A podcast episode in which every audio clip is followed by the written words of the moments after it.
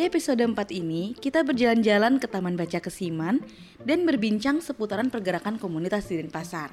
Tentunya dengan beberapa orang yang punya pengaruh kuat di Denpasar. Mereka adalah Saifuddin Vivik, Agung Alit, Komang Adi, dan Rai Ini Timpal Kopi. Alu Jigung sendiri pemilik dari Taman Baca yang sangat Tuan tanah. aktivis. Nah, warisan mana bisa dari kayak gini. Warisan dari mana? takur tuan takur aktivis dan juga Tapi sebelum di sini kita start dari Taman 65. Taman 65 di rumah Bapak. Itu taman untuk melawan lupa kan. Karena terkait peristiwa 65 Biar ya amnesia gitu. ya kita buat di situ lalu ke sini. hmm, ya banyak konser-konser indie di sini. Ya, saya yang kegiatan-kegiatan yang sangat pluralisme itu di sini banyak banget. Nanti mungkin juga Jigung bisa cerita soal Taman Baca. Kemudian Vivik Vivik juga nih tokoh yang ke mana-mana punya zin sekarang mulai keto zin. Baru sekali terbit tapi belum terbit lagi. Ya ya tapi itu udah awal belum tentang belum tempat yang membahas tentang kota Denpasar lebih dalam lagi dengan beberapa temen sih Nah, kemudian juga fotografer yang menceritakan tentang Denpasar dan Bali dari foto-fotonya. Sangat aktif, Siap kritis pokoknya sangat foto. kritis. Fotonya gitu gitu aja. Dan ini beli Komang Adi pemilik Kuli dan Kitchen. Tempatnya ada tamannya gini enak banget juga. Bisa sana juga main di dekatnya Bentara Budaya kemarin. Di daerah Guang Gianyar. Juga sering ada kegiatan bersama Greenpeace ngobrol-ngobrol tentang aktivis dan seni rupa sangat open untuk banyak kegiatan kemudian gitu. Nah sedangkan ini Mbak Agni Mbak Agni sudah hampir 9 tahun dulu bekerja di Cemeti cuman sekarang memutuskan untuk sendiri punya art management. Wow keren. Belum. Belum sedang sedang sedang ambil semoga kita doain. Semoga disegerakan. Seperti Jakarta mah ya. Eh, Jogja. Jogja 9 tahun ya Mbak Agni? 9 tahun. wih panjang. Ya, dulu megang residensi, manajer residensi. Jadi kami kuskus senang banget ketika Mbak Agni mau terlibat karena kita juga mau belajar tentang residensi. Karena ini pertama kali untuk residensi yang lebih gede. Ke residensi sed- sederhana mungkin ada, dan ini yang lebih gede lagi baru kali ini. Kemudian Mas Jimpe juga kita langsung disambut dengan baik di email. Kalau belum kenal, baru kenalan via internet baru tahu via internet Mas Jimpe juga terlibat di Jakarta Bienal terus direktur Makassar Bienal pemilik tanah Hindi dan penerbit dan penulis. Em, mungkin eh, sekarang kita eh, kus-kus eh, ngobrolnya mungkin lebih eh, bebas. Mungkin dari Jigung, beli Rai, Vivik atau beli, beli Komang bisa share tentang gimana perkembangan komunitas di sini. Dan sehingga muncul program-program yang menurut menurut Kuskus eh, mengajak orang-orang yang belum kelihatan jadi kelihatan gitu. Kayak gitu mungkin bisa cerita dari siapa ya boleh. Mungkin kalau masih Mbak Agni mau nanya-nanya juga. Ya. masih, masih belum tahu nih dalam rangka apa nih? Oh iya udah mencerita Ntar kita ngomongin nasi jinggo melebar mana-mana. Jadi Kuskus sendiri eh, kan Vivik Vivik kan Denpasar 2017 ya dulu. Yang pertama. Eh, terus setelah dua tahun Denpasar 2017 dan 2018 kali ini eh, Kuskus merasa di Denpasar itu sudah banyak banget teman-teman bisa bikin program yang bagus pameran yang bagus gitu tapi Kus- Kuskus mikir lagi eh, apa ya yang bisa kita lakuin lagi buat masyarakat gitu seperti Taman Baca kan udah banyak melakukan program untuk masyarakat. Nah, Kuskus juga ingin bisa berkembang dari segi program. Tapi ini sebenarnya program jangka panjang sih. Eh, kita berharap di 4 sampai 5 tahun ke depan tuh kita punya program yang lebih bisa engage sama masyarakat lebih luas lagi gitu. Karena di Kuskus sendiri kita yang orang Bali lokalnya itu cuman saya gitu kan. Saya juga perlu banyak ketemu orang, terus banyak ngobrol apa yang harus dilakuin buat ke depannya. Nah itu dia kita ngundang eh, dua kurator dari Bali, Safiri sama Susante dan dua teman dari Makassar dan Jogja yang dua minggu ini mungkin lebih kekenalan dulu sih buat tahu di sini ada apa. Nanti untuk 40 tahun ke depan mungkin akan ada proses yang lain lagi gitu. tapi yang balik-balik gak ikut ya sekarang Enggak, karena Sofitri ada nenek yang meninggal, Susante juga harus ngajar di Singaraja. Mm-mm, Nah, kayak ngajak Mas Jimpe sama Mbak Agni gitu. Nah, kalau sekarang ini sebenarnya lebih ke perkenalan sih. Nanti untuk ke depannya akan apa itu itu lebih eh, proses. Ya paling gitu sih dari kuskus. Thank you. Oke, kalau gitu lanjut saya dari taman baca ya. Eh, kenapa taman baca ini dibangun? Jadi tidak terlepas dari pulau yang cantik molek ya, yang pariwisata itu. Tapi ironisnya pulau ini ada persoalan besar gitu, tidak sedang dalam keadaan baik-baik saja. Iya iya iya.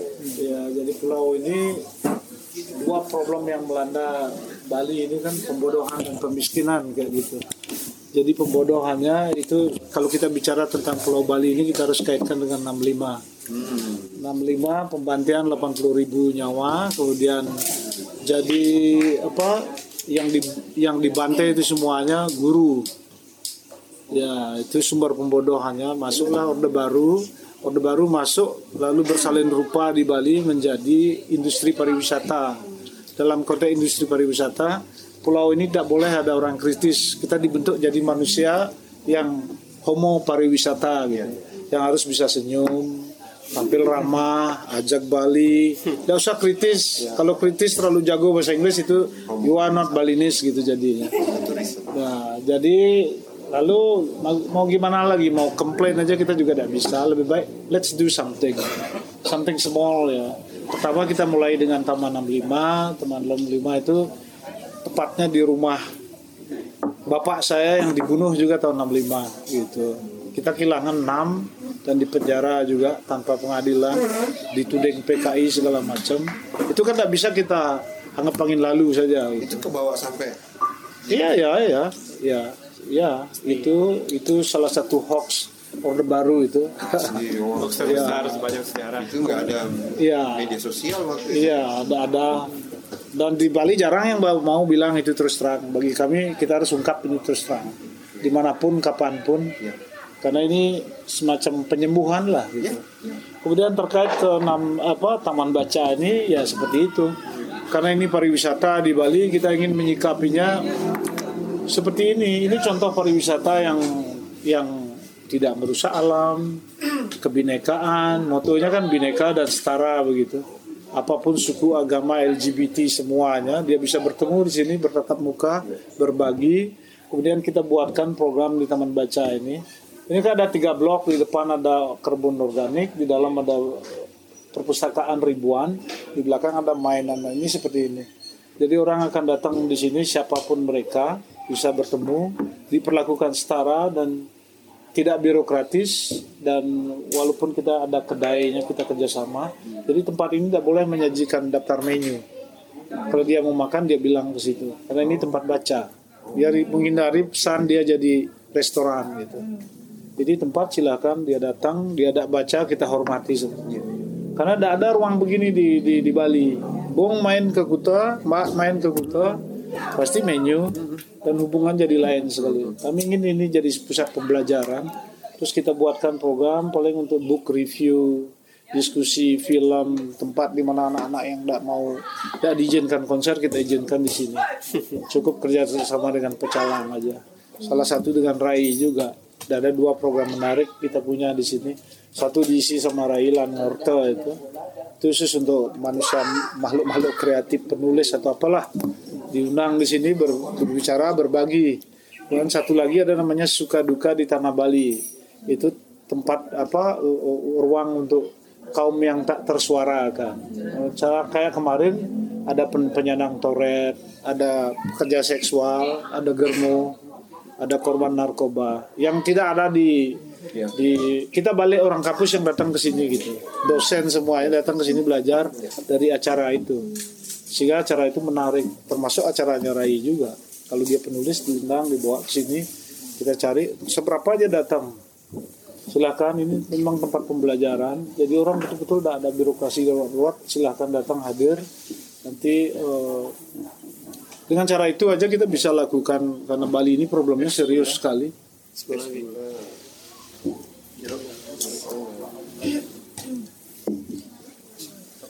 dan sungguh sangat serius problem Bali. Cuman kita selalu diiming-iming karena pariwisata harus membangun citra bahwa Bali ini semuanya oke-oke saja. Ya termasuk yang terakhir ini kan gerakan tolak reklamasi juga sering di sini. Ya, kita lakukan coba aja. Orang mau kumpul, mau belajar, mau mengerti mau bertegur sapa gitu artinya ada tempat di Bali Indonesia itu bisa ditemukan di sini. Dunia itu bisa ditemukan di sini. Ada kemarin anak-anak mahasiswa dari luar negeri juga studi di sini belajar sharing. Kalau ada bule kita kita apa lebih kayak mengambil kesempatan lebih proaktif. Lu jangan ngomong aja di Bali sharing lah berbagi gitu. Sa- masalahnya sekarang Bali kan ada di era global kita bisa global movement ya global kesadaran bisa kita bangun. Kalau ada kayak kemarin siapa ada Adrian Vikas kita culik dia bawa ke sini eh, kontak teman-teman. Ini ada loh pembicara di Australia lu mau dengerin silahkan main di sini. Seperti itulah poinnya kita lebih proaktif. Dan untuk PR seperti itu kan PR besar ya. Harus semua orang ikut berpartisipasi. Tidak bisa diserahkan pada kami aja di TBK belum lagi Bali ini sedang dilanda virus ajak Bali apa pengentalan identitas yang berlebihan itu kan sama dengan sakit juga itu. We have to open ya. Tidak ada identitas itu tunggal gitu. Saya kira itu. Bagi kami pokoknya Bali sedang dilanda penyakit serius. Itu dari saya tentang TBK silakan Rai lempar-lemparan Masih Eh, saya Rai dari ini tiba kopi. Kawan-kawan itu eh, setiap nongkrong itu selalu dapat selebaran selebaran cuman kemudian belakangan kok tradisi itu hilang. Terus akhirnya bikin kayak gitu. Seadanya tapi terus kemudian berkembang karena kawan-kawan juga ngasih tulisan ngasih foto ngasih gambar kayak gitu. Terus eh, nggak ada tema khusus sih sebenarnya yang kita angkat gitu. Tapi eh, semangatnya cuma coba untuk menyimpan narasi-narasi kecil. Kayak gitu terus juga termasuk salah, salah dan nggak maksudnya narasi itu pun luas gitu. Bisa jadi eh, sebuah konser musik yang ada yang tahu gitu. Atau pamerannya teman-teman sendiri yang yang yang nggak ada yang liput gitu modelnya. Nah, kayak gitu. Terus eh, itu bisa jadi cuman sebuah tentang makanan kayak tentang apa aja itu terus kita punya program bareng TBK itu namanya Langurte nah itu programnya memang khusus untuk mendokumentasikan daripada kreator-kreator yang ada di Bali gitu. Ataupun yang memang bersinggungan dengan Bali. Kita sudah program yang ke 10 kalau nggak salah. awalnya sih inginnya pengarang dan penulis awalnya. Terus kemudian bergeser sampai ke eh, pas- pasca rahum itu menjadi lebih melebar. Dia termasuk pelukis kemudian termasuk oh, musisi kemudian. Gitu. Itu terus kemudian kita juga punya solidaritas senja. Kalau yang itu memang dibuat untuk ngomongin tentang oh, itu baru ketiga. Empat ketiga. Itu sebenarnya ingin eh, bikin diskusi tentang tema-tema yang lagi di eh, agendakan sama Tidak Diam yang dikomplain kemarin Eh, terima kasih. Sambung belakangnya mendadak sebenarnya. Jadi lagi mau terus sini. Eh, saya diajak ke sini karena mulik itu sini mulik itu sini itu sebenarnya apa istilahnya program iseng-iseng. Sering ngopi sama teman-teman anak-anak dakar Jong Sapitri juga. Sapitri saya lebih, lebih memegang di ini terus eh, ya udahlah daripada kita sering jalan-jalan di daerah Pasar Badung. Kita heritage.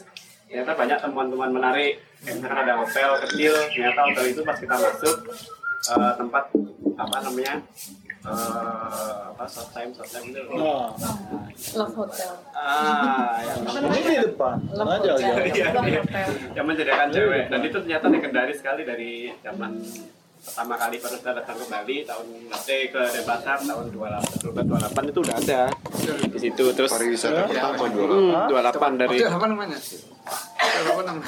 Ada di tepi sungai itu temuan menarik di lapangan. Hotel Raya Ada di Bisu. Biantara tahu BCA ya kan sungai oh, itu yang Hotel bocor Raya. satunya. Hotel Raya itu. Itu ternyata itu. Dari kampungnya Ade yang punya. Ya banyak sekali terus eh, termasuk bukti Banjar. Bukti Banjar di sana ternyata bukan hanya untuk Banjar seperti di daerah lainnya tapi dia fungsional juga untuk pedagang. Jadi kalau Ya. pasar Bandung kan pasar terbesar di Bali. Ya terus eh, orang-orang pedagang dari daerah yang jauh dari Tabanan dari Gianyar dari Karangasem itu kalau misalkan ke pasar Bandung kan subuh malam. Ya. mereka menginap di Banjar. Banjar punya itu ya Banjar apa namanya? Titeh ya itu Ya. juga. Ada beberapa Banjar sana kan? Ya Langkajang ya ada banyak. eh bukan Banjar namanya Langkajang Alang kajang. Alang Langkajang Yoga Sara Yoga Sara oh Genceng Gerenceng juga. Ada. Jadi Betul, dekat-dekat terminal, dekat-dekat pasar semua ya. Ya, itu difungsikan untuk itu. Itu kan menarik, nggak semua orang tahu tentang itu. Terus eh, ada wilayah yang tidak tidak tertulis sebenarnya. Itu ada kampung Arab, kampung India, dan pecinan. Yes. Nah, kampung Bali beda lagi dia di belakang belakang apa toko-toko perhiasan itu kampung Bali. Di seberangnya ada kampung Arab dan kampung India, itu dia ada masjid. Ke utara lagi kampung Jawa. Kampung Jawa ya. Dan tahun 80-an ternyata di situ ada pasar senggol ala Jawa yang sekarang udah nggak ada lagi. Nah, hal seperti itu kan kita temukan di lapangan, ngobrol sama orang tua, mereka bisa ngobrol. Oh ya dulu di sini ada ada ini ada ini.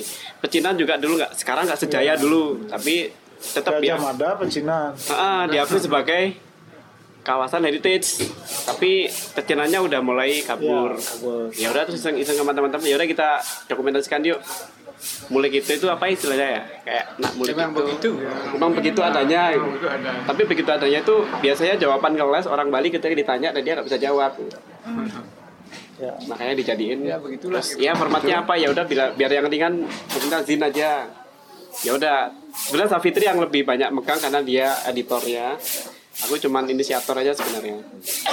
Nah, itu sih kalau kalau di milik itu izin belajarnya itu. Kita baru pertama terbit dan belum terbit lagi karena setelah terbit itu aku lari keluar Bali maraton kerjaan ke beberapa tempat. Baru kemarin juga balik ke Bali. Jadi belum sempat edisi kedua. Mungkin Januari Februari akan ada edisi kedua. Nah kalau aktivitas di luar din ada beberapa juga. Eh, ini lagi mau merintis tentang termasuk waktu itu sama si siapa? Putra dari Aceh. Aku Aceh juga. Eh, kita mau mendokumentasikan cerita-cerita yang berbasis keberagaman. Jadi kan kayak kita tahu kan sekarang Indonesia terutama Jakarta kan lagi krisis sekali tentang keberagaman. Ya kan? Ada gap antara Muslim yang apa namanya? Garis keras. Garis keras itu dengan Cina Chinese ya kan dengan suku-suku lain di Indonesia. Nah eh, kita nggak bisa mel- melakukan hal yang besar tapi aku sama teman-teman cuman yaudah kita tulis saja cerita-cerita kita yang berhubungan dengan keberagaman itu yang positif. Misalkan kayak eh, cerita misalkan kayak aku. Aku orang Jawa tapi tinggal di Bali. Nah ketika aku keluar Bali misalkan ke Poso misalkan. Ke Poso itu kan aku mem- memperkenalkan diri sebagai orang Bali bukan lagi orang Jawa tapi orang Bali karena aku tinggal di Bali aku pakai kaos tolak reklamasi dan pakai kamen aku di sana jumatan pakai kamen dan secara, secara tidak sengaja aku ada program di Kampung Bali. Nah akhirnya aku di sana diterima oleh orang-orang Bali sebagai orang Bali. Terasa sekali kerinduan mereka orang-orang transmigran tahun 80-an terhadap pulaunya mereka. Ah, ah. Tapi sekarang Transmigran banyak tahun 80-an. Ketemu sama mereka ke kebun mereka terus dianggap aku adalah orang dari kampungnya mereka karena mereka udah bertahun-tahun nggak pernah ke- pulang ke Bali. Padahal aku orang Jawa gitu. Tapi udah kayak udah kayak saudara, udah kayak keluarga. Itu menarik ya mainkan identitas itu. Iya diterima sekali di sana. Terus yang menarik ada hal yang tidak tem 12 tahun aku di Bali dan memotret apa namanya ogogo. Tapi satu pun aku belum pernah melihat ogogo yang dibakar. Nah di Poso aku menemukan ogogo yang dibakar. Di sini dibakar juga dulu. Dulu kan. Ya. Nah Sebelum sekarang sekarang. ketika aku dialog sama apa ngobrol sama teman-teman eh, yang apa bisa budaya Bali kayak JJ gitu di sini di Bali dia bilang memang di- dulu di Bali emang kayak gitu ogogo itu dibakar nah yang menarik adalah orang-orang Bali yang ke Poso yang transmigrasi ke Poso mungkin juga ke daerah lain mereka masih memakai tradisi yang tahun 80-an Ya, benar. tapi juga ada akulturasi jadi eh, pada saat apa ogogo itu. Ogogo kan di sini musiknya yang acep-acep itu kan. Ada ada yang pakai masih pakai musik tradisional ada yang udah pakai musik musik klub malam gitu kan kalau di Bali. Nah di sana enggak musik tradisional tapi nggak terlalu banyak seadanya sama eh, apa istilahnya puja-puji gitu. Nah, doa. itu yang itu dilakukan kayak di takbiran Islam gitu. Dan yang mengawal orang Islam jadi kayak apa namanya? Ya kayak itu apa namanya? Uh, puja-pujinya kayak puja-puji Islam. Dan setelah setelah itu dibawa ke setre dibakar kan? Dibakar benar-benar sampai aku motret. Eh, sampai habis sampai gak ada orang aku masih motret. Terus aku pergi kan ternyata ada satu orang nungguin. Ternyata dia kepala desa kan. Mas dari Bali ya? Oh iya saya dari Bali. Oh ditunggu sama Pak Mangku di Pura. Kan kaget aku. Kan. Wah mohon maaf aku nggak bisa karena aku ada program di desa sebelah gitu. Itu ada program tentang gerhana matahari kan pas pas nyepi kan. Terus, eh, nah bapak itu akhirnya memperkenalkan diri saya kepala desa di sini karena tadi dilihat ada orang Bali yang memotret. Nah, makanya sekarang ditunggu di pura gitu. Terus ternyata bapak kepala desa itu Muslim Oh. yang dia me- mengajak muda-mudi Islamnya untuk mengawal si Ogogo itu. Dan tradisi yang yang menarik juga ketika melasti ha- ha- dua hari sebelum Ogogo itu, ketika melasti, eh, setelah melasti kan mereka ke pura, ya kan naruh pratimo lagi kan. Nah itu ada semacam kayak apa namanya khutbah. Di Bali nggak ada. Iya kan di Bali nggak ada itu Khutbah khutbah. dari Islam apa dari Dari orang Hindu? dari orang Hindu dari pemangkunya. Kayak dari Mowacana, Ah, ah. dari Mowacana. Ya kayak gitu tapi spesifik kayak orang habis sholat Jumat gitu. khotbah aja Ah, ya? khotbah nih caranya begini, caranya begini. Itu akulturasi yang menarik menurutku. Nah, semacam itu yang akan kita tulis di Sinnya di program. Enggak bukan ini bukan jin, mungkin akan website. Oh. Jadi aku teman-teman mengangkat eh, cerita-cerita keseharian kita yang berhubungan dengan kebera- keberagaman. Iya, tapi hal-hal yang positif. Hmm. Sehingga ketika itu nanti dibaca oleh banyak orang harapannya adalah oh ternyata sebenarnya itu nggak ada masalah kok kita dengan identitas, nggak ada masalah kita dengan daripada kita melawan secara keras, akhirnya garis keras ketemu garis keras yang baru, ya kan? Mending kita dengan soft kita ceritakan aja apa yang terjadi keseharian di sekitar kita. Gitu. Nah, kita tujuannya cuma untuk itu membangun narasi-narasi cerita-cerita kecil keseharian kita tentang keberagaman. Ini masih masih masih apa istilah masih konsep belum belum diaplikasikan ke website tapi kita mulai menggali cerita dari teman-teman nah itu salah satu aktivitas lain selain Mulikitozin nah kalau hubungannya dengan Denpasar nah Mulikitozin ini khusus tentang Sudah Denpasar ada websitenya. belum Itu semua tadi ditulis di Iya. Ah, sempet eh, di sini aku ada empat nih. Aku Friska Friska Swarini sama si Agung Yuda yang filmmaker itu sama Kung WS orang-orang lama sebenarnya kita teman lama ketemu kembali gitu. Eh, awalnya ideku adalah bikin website sama podcast. Karena yang sekarang podcast lagi naik daun kan. Cuman si Kung WS ngusulin oh kita jangan bikin website baru karena itu akan susah sekali untuk narik follower lagi kan visitor kan susah. Nah, kita nanti join aja dengan rencananya join dengan Balai Bengong. Jadi kita minta satu page yang membahas tentang cerita-cerita keberagaman Menarik juga gitu. supaya udah followernya udah ada kan gitu. Jadi nggak mulai dari nol banget. masih satu spirit kita. Iya. Nah kayak Aji nanti beli komang, Raya juga pasti punya banyak cerita juga kan. Teman-teman juga eh, harapannya memang nggak cuma di Bali tapi semua kayak si Putra dari Aceh juga aku ajak untuk nulis karena dia seorang Aceh yang melawan apa yang terjadi di Aceh gitu. Kalau sehari-harinya aku kerjanya kan di di Mitra Bali sebagai pula desainer. Terus eh, karena kerja di sana eh, buat komunitas awalnya kita buat komunitas sangat anak tangguh di sana juga sering kita ketemu sama Pipik dulu bikin awal bikin program kan dengan bayar dengan Berkomang nih kakakku yang ada di Bali. Kakak ketemu gede. banyak lah di kita buat sangat nanti sangat datang itu konsep kita kan bagaimana memberikan pendidikan gratis atau pendidikan alternatif holistik kepada anak-anak dengan konsep pendidikan murah tapi berkualitas. Itu yang kita mau. Nah, apa yang bisa kita capai dengan pendidikan murah dan berkualitas ini? Di mana anak-anak bisa mendapatkan pendidikan gratis dan mereka tidak bayar. Itu dulu eh, tiga kali dalam seminggu dan akhirnya seminggu sekali setiap seminggu sekali. Ya, anak-anak tidak bayar, guru-guru yang ngajar juga volunteer sukarela. Kayak Mipik misalnya punya program Lubang Jarum, dia ngajar kan tidak eh, dibayar, tapi anak-anak juga nggak kita pungut biaya. Nah kalau kita membuat program untuk eh, apa namanya untuk pameran atau atau menyelenggarakan kegiatan tentang itu, kita cari sponsor atau kita minta eh, kue sama orang tua anak-anak kita bilang kegiatan seperti itu. Jadi kayak sosial solidaritas. Karena awal sendiri sangat memang didirikan eh, secara gotong royong. Jadi kayak tanahnya kita dikasih minjam selama 10 tahun waktu itu sebanyak tiga aro, jadi bisa dipakai dibangun. Terus listriknya ditanggung oleh tetangga, air ditanggung oleh tetangga, jadi kita bisa bikin murah. Nah kemudian eh, eh, anak-anak anak lokal di sana eh, sampai kayak taman-tamannya pun dari sumbangan, dari dari sumbangan warga sampai apa namanya sampai ada yang kerja di landscape di hotel di Purama waktu itu ya dah beli yang rawat kebunnya gitu intinya. Nah setelah 10 tahun kita bergerak di Sanggar, eh, ada pas eh, mahasiswa dari volunteer Indonesia yang yang orang Vietnam ya, tapi dia kuliah di Amerika. Waktu itu salah satu hasil penelitian dia eh, yang dipresentasikan itu adalah oh, oke bagus Sanggar ini kamu berhasil menciptakan pendidikan murah berkualitas memang murah untuk anak-anak tetapi kan tidak murah bagi para pendirinya. Karena untuk mengadakan kegiatan sekecil apa pun untuk eh, untuk dana. Itulah intinya. Jadi ah, dari dari eh, refleksi itu kemudian eh, ya kita coba mau, mau ya berpikir ulang lah modelnya kan nah eh, kemudian saya sendiri baru memutuskan untuk buat kulidan waktu itu. Kulidan space. Ya tujuannya kita coba berangkat dari sana mau mengkombinasikan idenya karena dari PT juga mau mengkombinasikan dengan sosial dengan bisnis. Jadi di satu sisi ada ruang-ruang yang kita eh, berbisnis eh, kemudian eh, ada sisi yang kita bisa berbagi.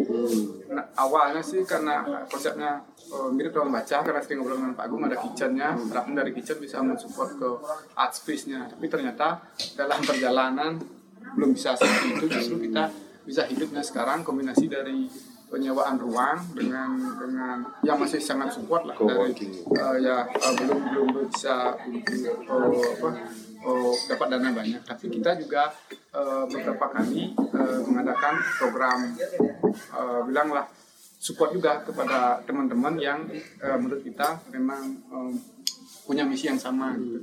Nah, uh, Kulitan sendiri punya kemudian program eh, dua program lah sekarang yang yang ada. ada program itu namanya Meet the Creator. Ah, meet, meet, uh, meet the creator jadi syaratnya itu ada dua. Itu yang yang kurasi juga Pipik ikut di sana karena Pipik dari dulu kita ada di sana ada ada Pipik ada Martino terus ada Dika waktu dulu. Nah jadi eh, kita eh, buat meet the creator syaratnya eh, mereka sudah punya karya kemudian ya menurut kita layak untuk berbagi Eh, contohnya eh, karya itu entah itu bisa buku entah itu bisa pernah pameran, entah itu dia bisa graphic designer, punya karya intinya. Terus kemudian tujuan dari program itu, Meet the Creator adalah dua. Pertama bagi anak-anak di sana, karena kita juga masih ada kaitan dengan eh, anak-anak di Sanggar, bisa menginspirasi, oh kalau mau jadi seperti kakak itu, belajarnya di mana ya, terus eh, eh, apa sejak dulu nggak dia? Sudah. Misalnya ada penyanyi kayak mana enggak apakah dia dari kecil sudah bercerita jadi penyanyi atau setelah kuliah atau setelah SMA kayak gitu kan menarik bagi anak-anak untuk nanya-nanya ini yang seperti itu. Terus hal baru juga kita undang misalnya Dian Suri waktu itu pengenalan produk desainer ke anak-anak. Kan anak tidak mengerti tentang apa itu produk desainer. Kemudian kebetulan kita dapat orang yang expert di bidang itu dan dia sempat belajar di Itali kan bercerita ke anak-anak kan harapan kita bisa memotivasi anak-anak. Nah kemudian harapannya ke teman-teman yang sesama pelaku yang sama, kemungkinan mereka akan bisa kolaborasi. Jadi misalnya ini ada fotografer, ini ada seniman apa, nanti bisa oh kayaknya orang ini asik nih kalau kita gabung bikin sesuatu gitu. Nah kemudian kalau kulidan space-nya bisa, oh kalau bagus misalnya dia bisa ngadain pameran di sana kayak gitu. Itu yang yang yang kita lakukan di program the Creator. Nah sekarang karena Sangar eh, bangunnya agak apa namanya udah 10 tahun itu kan eh, anak-anak lebih banyak sekarang di Kulidan juga tiap hari Minggu dari jam 9 pagi sampai jam 11 Anak, tapi anak tangguh masih ada. masih masih ada dia secara ini masih ada. Eh, eh, tapi anak-anaknya sering belajar di di tempat kita. Eh, itu setiap hari Minggu jam 11 eh, jam jam jam 9 sampai jam 11 kita punya program Art in English kita coba. Di satu setengah jam itu misalnya mereka belajar menggambar tentang wajah nanti setengah jamnya ada satu volunteer yang menjelaskan tentang wajah itu ini mata AS gitu misalnya hidung apa nanti dijelasin. Atau mereka belajar tentang gambar binatang nanti ya tentang warna tentang binatang-binatang yang digambar. Itulah yang yang sangat simpel. Jadi kita buat di sana art in English eh, dua program itu yang yang. Nah kalau misalnya dilihat dari apa yang yang pernah kita lakukan, kita pernah bedah buku, kita pernah eh, pameran lukisan yang paling sering, terus eh, eh, lebih kepada diskusi juga sering. Eh, yang di Meet the Creator itu diskusinya.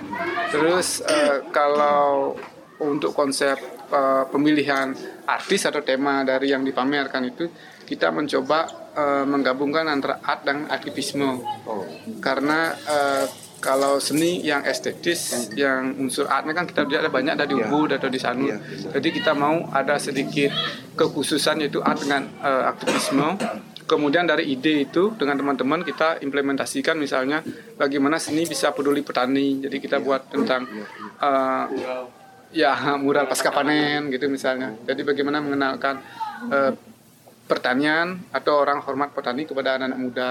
Terus kemudian juga eh, art agriculture mengenalkan tentang tentang eh, pamerannya tentang pertanian tapi juga bagaimana ide ini bisa lebih nyambung kemudian kerjasama dengan teman-teman teater untuk menjelaskan hal itu. Terus Rai juga bantu misalnya mem- mem- membuatkan filmnya terus ada juga teman yang fotografi karena kita memang secara tim kita belum bisa Wah, kita masih gotong royong gitu, karena belum belum secara dana kita bisa belum belum mandiri itu terus misalnya eh, yang pernah kita lakukan juga tentang eh, seni dengan lingkungan kayak dibilang tadi dengan Greenpeace. Ada kawan yang sudah kerja 15 tahun di Greenpeace kemudian mereka menggambar pengalamannya oh di mana ada hiu yang dipotong siripnya kemudian hiu itu dilepas lagi. Nah, tapi dia diisi dengan dengan apa kode Google Map di mana sih kejadian ini. Terus dia misalnya tentang dicelukan bawah tentang carbon trading terus tentang eh, ya hal-hal tentang lingkungan pengalaman dia. Jadi banyak yang kita ke lebih ke art dan aktivisme. Yang pro, terbaru mungkin program kita eh, itu bukan kita yang punya tapi ini ada teman-teman mahasiswa yang mau mengajukan untuk pameran. Eh, kita buat temanya menjadi illegal trading. Nah dalam konteks eh, menyambut tahun baru eh, antara harapan dan resolusi. Jadi eh, eh, di satu sisi kan banyak persoalan nih di Bali seperti misalnya tori, eh, turisme itu seperti tadi bilang turisme. Misalnya terjadi pencurian protimo atau kayak yang dianggap dewa-dewa oleh orang Bali yang sangat dihormat itu kan dicuri kemudian dijual ke pedagang antik kan itu yang sangat ilegal trading dia. Terus kemudian ada juga eh, mungkin human trafficking isu-isu yang seperti itu. Mungkin juga nanti tentang eh, ada turis yang duduk misalnya di di Padmosano di tempat suci orang Bali itu kan nah, tapi kita nggak nggak sepulgar itu. Kita em, sedang merumuskan dengan teman-teman bagaimana ini eh, lebih soft karena kita tidak ingin juga kayak frontal tapi juga isu ini ter, terceritakan gitu. Ya. Nggak mungkin museum curian yang kayak kita, kita mencoba juga membedah kayak di Eropa. Kan mereka banyak dulu ngambil-ngambil barang bisa ada di museum mereka di Lidan atau di sana bagaimana proses mereka mendapatkan apakah menjarah atau bagaimana kan nggak nggak jelas eh, dia dia ininya sistem mendapatkan itu. Nah kita eh, eh, lebih jauhnya mungkin nanti diskusinya bisa berarah ke sana. Dan karena juga ada masuk teman-teman kalau pameran atau hajatan udah banyak tapi jangan berhenti pameran ini pada hajatan saja tetapi bagaimana hajatan ini bisa menjadi lebih eh, pewacanaan atau paling tidak terjadi proses eh, ya pendalaman lah peng, apresiasi apresiasi tidak hanya estetikanya tetapi juga dari konsep kayak gitu. Nah itu sih yang yang kita mau dengan dengan keterbatasan yang ada yang yang itu yang yang kita eh, lakukan. Oh, karena belum pernah ke sana ya jadi eh, kalau Sanggar itu luasnya dulu sekitar dua setengah haro di komplek perumahan juga. Terus nanti kita tempatnya sekarang 800 meter dari Sanggar Eh, dari Sanggar itu eh, sekarang luasnya lebih luas eh, sekitar 12 haro terus ada satu bangunan juga yang ada yang untuk pameran cukup eh, kita pikir cukup representatif untuk pameran. Dan juga yang menarik kan dari segi ya. Silakan. Dan yang menarik menurut kita tempatnya nggak terlalu besar sehingga artisnya juga eh, tidak harus membuat karya yang banyak kalau dia mau berpameran. Itu itu salah satu kelebihannya. Terus dari segi karena mendapat masukan dari teman-teman juga kadang-kadang kalau karya besar susah masuk karena pintunya agak kecil kita udah coba juga do, eh, secara teknisnya seperti itu. Nah kemudian juga teknis yang lain kita coba juga ada warung eh, warung sederhana nanti eh, para artis juga tidak perlu dia memikirkan konsumsi bagaimana kalau pameran kalau hal itu udah selesai modelnya karena udah ada udah ada warungnya jadi eh, ya kita berpameran kita tinggal undang orang kalau orang mau beli kopi silahkan kalau tidak juga nggak apa-apa gitu misalnya. Itu yang yang kita coba eh, baru bisa lakukan itu berarti bentuknya apa beli um, uang ini gitu art space gitu atau space kita pakai? Space aja. Space saja jadi kita nggak pakai art space nggak. Jadi Oh, iya. space saja jadi lebih leluasa orang eh, mengadakan kegiatan. Ya jadi dari jadi brandnya berarti kulidan space, space, ya uh. space saja Mm, nggak pakai art space dia. Karena kegiatan kayak oh, kadang-kadang mereka juga event eh, konser juga ada. Tapi lebih ke charity. Misalnya kemarin kak eh, konser ya mereka punya kepedulian juga untuk sumbang ke teman-teman di disable gitu misalnya. Dia kerjasama dengan organisasi disable. Ya walaupun sekian persen dari penjualan tiket kadang kalau dilihat dari penjualan tiket kan kalau saya lihat ininya kadang mereka malah nomoin kan kan sewa sound, sewa sound segala macam kan lebih mahal. Ya tapi mereka punya eh, paling tidak awareness untuk mau berbagi itu. Ada ada niatan untuk itu. Itu yang yang menurut saya bagus. Misalnya eh, lebih lebih ada kaitannya ke ke konsep-konsep charity seperti itu konsernya.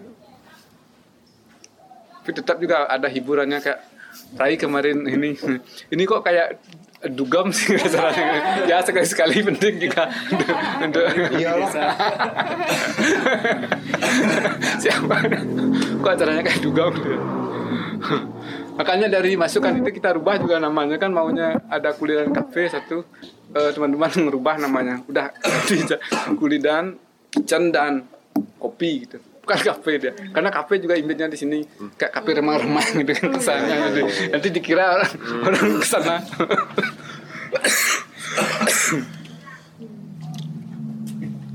ya itu yang yang yang sedang dilaksanakan Eh, aku jadi penasaran sama mm, program-programnya Beli Rai. Eh, kan belum pernah datang. Nah, aku pengen tahu gimana Beli Rai bisa milih orang-orang itu kemarin eh, tiba-tiba Bali Rock, terus eh, ada Pak Made Taro. Di- eh, orang-orang ini cara pemilihannya gimana? Kalau dari pembacaanku kan kayak oh iya ya ini sering terlupakan orang-orang ini. Bukan terlupakan, mungkin dia terkenal tapi di eh, orang-orang tertentu di anak-anak muda mungkin sekarang sudah mulai menurun. Jadi ketika ada program ini aku merasa oh program ini mengangkat orang-orang yang mulai tenggelam ya. Apa benar kayak gitu jadinya? Enggak sih sebenarnya. Oh, kita sebenarnya. jadi waktu kita ber, berenam, kita ada satu tim Lan Murti itu berenam. Itu biasanya kita sering ngumpul dulu. Hmm. Terus di awal kan cuma saya sama Carlos sama Davy bertiga Oh iya. di awalnya. Terus sama Gus Adi lagi satu berempat. Dan waktu pertama itu kita udah bikin list nih. Gitu. Siapa aja sih orang-orangnya gitu. Dan ternyata eh, seiring berjalan terus baru tiba-tiba dapat orang lagi, dapat orang lagi. Baru keingat, baru keingat terus kita lantas menentukan urgensi oke umur gitu. Paling gampang kan umur gitu. Kalau bisa yang lebih tua, lebih tua dulu terus kayak yang kayak yang lolot misalnya eh kita nganggap dia itu salah satu cikal bakal titik balik musik Bali gitu. Jadi ada eranya Yong Sagita, ada eranya Lolot. Gitu. Ah siapa Sagita? Yong Sagita. Oh yang Sagita. Nah, Terus ternyata ketika ngundang Lolot yang pertama itu disa- dikasih Pak Nano namanya, mertuanya dia. Nah, Pak Nano ini malahan yang sebelumnya Yong Sagita. Gitu. Jadi yang yang ngorbitin Yong Sagita itu Pak Nano ini. Nah, makanya Lolot itu akhirnya mundur sekian bulan. Duluan Pak Nano ini. Oh. Terus eh, kalau Pak Taro kan ya kita semua udah tahu nih. Legend. Ya, Legend. satu legend dan ya kalau kalau di istilahnya untuk di, di tahun pertama sayang kalau di dilewatin. Soalnya kayaknya umur-umur yang di bawah sekarang yang SMA mungkin udah lupa Pak Made Taro ya. Jadi Pak Made Taro itu satu pendongeng gitu Mas Bimbing. Yang dia itu suka ngajarin anak-anak tapi dengan cerita-cerita supaya anak-anak itu lebih disiplin tapi caranya tuh nggak menggurui. Dengan yang misalnya dia nggak pakai cara dalam. Waktu itu Pak Pak Made cerita dia nggak pakai cara dalam. Tiap ke mana-mana pakai cara- nggak pakai cara dalam. Nah, eh, sampai orang tuanya tuh bingung gimana ngasih tahu anaknya supaya pakai cara dalam kalau main akhirnya minta tolonglah sama Pak Made Taro. Nah, Made Taro tuh mendongeng tentang ada satu cerita ketika anak itu kegigit semut di bagian kakinya, kemudian masuk rumah sakit. Jadi sejak saat itu anak anak itu langsung jadi jalan dalam. Nah itu tuh cara-cara yang unik yang sekarang mulai mungkin karena sudah tua ya Pak Made Taro, tapi dia patut diapresiasi gitu loh, apalagi anak-anak muda sekarang gitu pernah dulu pernah beli main ke CCG untuk ngadain workshop eh ngadain workshop anak-anak tapi yang main justru yang seumuran beli koma ibu-ibunya yang main karena mereka mulai lupa Permainan. mulai lupa cara permainan Bali zaman dulu yang pakai apa namanya? Cupit ya? Sem- sempit? Sepet sepet ah kayak gitu-gitu. Nah jadi pas tahu Pak Made taruh di acaranya Taman Baca itu kita jadi kayak oh ini ya maksudnya penting gitu diangkat lagi. Makanya kayaknya programnya Beli Rai itu bagus gitu loh buat ke depannya gitu. Itu sih kalau menurutku. Ke depannya rencananya apa lah Beli Rai Yang besok ini Oh, besok banget. nih. Tanggal 13 Oh, Citra Citra Sasmita. oh Mbak Citra Karena, karena maksudnya yang paling kesusahan itu adalah nyari yang narasumbernya cewek. Perempuan. Perempuan Agung tuh ini. susah sekali gitu. Saya baru mau nanya ini tadi. Itu kenapa yang kemudian yang perempuan itu dapatnya mau mau. Mau cowok, terus Santri, terus eh, yang lebih sama Vivik ya kalau salah ya, pas di Bentara. Pas Lebih. Nah, lobbynya itu. Terus eh, Mangku Muriati hmm, oh, mangkuk. Seniman. Sama itu ya. Mangku Muriati terus mau cowok yang besok ini Citra. Naik daunnya. sekaligus juga yang mewakili untuk generasi muda. Udah muda ya, ya. Masih muda, Sekarang ya. banyak tua. mirip dengan suka duka suka duka untuk yang dewasa. Ah. sumbernya sama uniknya juga Iya. orang-orang yang benar-benar tran- coba yang transgender ya Hmm. Mereka berani jor-joran ya. kerja ya? seksual Hmm. gampang sekali bicara di sini beliau korban narkoba mantan napi yang memang membunuh ya Oh, mereka nggak merasa dijudge di sini. Mm-mm. tapi kita ada aturan itu kita kerja sama-sama beli benong Hmm. siapa pun atau kadang saya yang dapat narasumber kadang balik bengong yang dapat kita memang berburu narasumber berburu dari yang unik gitu Iya, iya. ya kita ingin cari yang yang sudah ada di list dari pedagang batu ake Mm-mm. pasti mereka punya mekanisme mekanisme Jalan survive. gagal. cara Kadang gembel apa gimbal Oh, iya. Rastafari Bali itu kenapa kan beda konsepnya dengan di Wonosobo gitu Iya, iya. Dan apa lagi mungkin Jalan gagal. uh, caleg Oh, caleg gagal ya. Itu jarang ya mau bahas personal caleg gagal. ya kita padukan dengan caleg baru kan Milenial. ya, Dari- Dari Demokrat ya banyak yang datang. PSI kan ada? PSI ya. pokoknya paling unik itu suka duka sama Mortal ini, dan mortal. dan mortal memang untuk anak muda ya. Yang tua lebih lebih pada yang yang eh, anak muda yang ingin coba untuk memulai pendokumentasian. Oh gitu. jadi semangatnya pendokumentasian itu yang paling eh, apa audio itu akan disimpan. Terus dan memang dibilang bahwa plan plan nantinya itu bakal dibukukan saya rekomend Rai untuk mau mendekati eh, bukunya baru sekali saya baca tentang Lea sering nulis Samarkandang, sama tentang negara. itu dahsyat rendah karena Tebanan dia. sekarang mau ngomong tentang Lea eh, Lea Dira itu tentang bagaimana peristiwa 65 dia dia apa eh, narasi Oh, baru? baru baru baru bagus sekali Lihat tanah dan sirah gitu? Lihat tanah dan sirah. ya lihat tanah dirah ya. Sirah sirah sirah. bagus coba dia memang selalu suka lihat dia kita memang pengen nyari yang begitu dari kenapa bisa orang suka lihat karena menarik itu melawan lupa ya itu apa jejak tradisi di Bali biar dikenal sama anak muda gitu. kita udah yang ke-12 kan? Ya. Ini sudah berapa? 10. Tiga bulan tidak ada kan?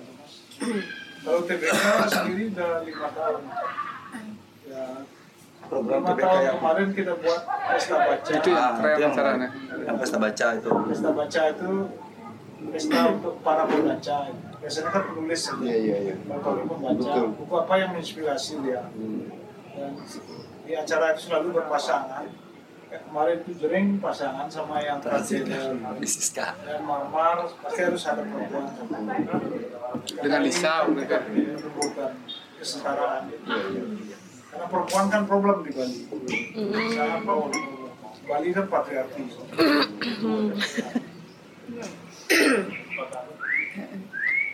Iya tadi saya juga baru penasaran karena saya baru sadar hari ini saya baru ketemu sedikit sekali perempuan di kesenian gitu. Kebanyakan memang bekerja di uh, manajemennya ya.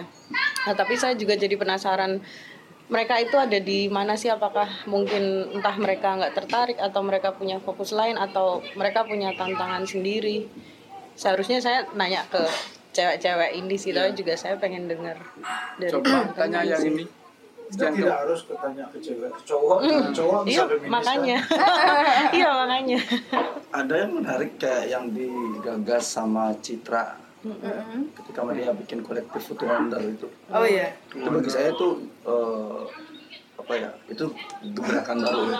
di, di antara ketika di Bali kan kemudian pasca pojok kan nggak ada kolektif yang yang sedikit berani Pasca ini pojok. gitu. Pasca pojok.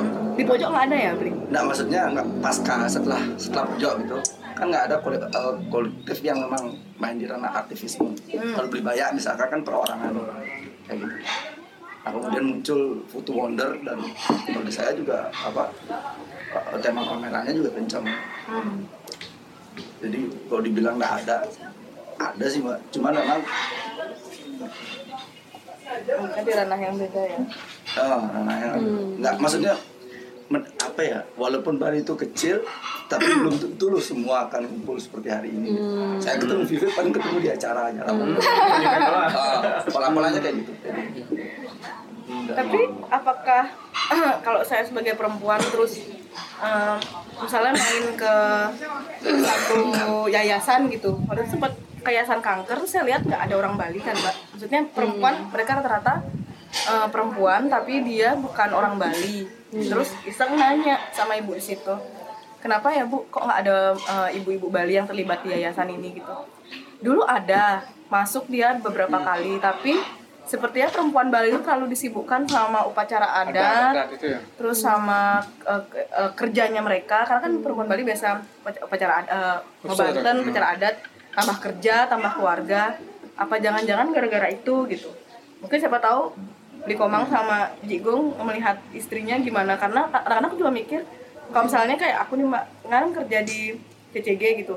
Kadang-kadang itu kalau pengen datang nih ke acara TBK acaranya mana-mana tuh suka kebentur sama hari Rainan. Rainan tuh kayak harinya Bali gitu. Jadi nggak ada aku dateng karena harus nyiapin segala macem atau jangan-jangan itu yang bikin uh, orang Bali perempuan Bali tuh hilang gitu. Mungkin nggak hilang cuman mereka terlihat dari uh, punya prioritas yang ya tantangannya itu. Iya. Sering acara di sini itu Rainar sih. Iya loh Hari pro gitu.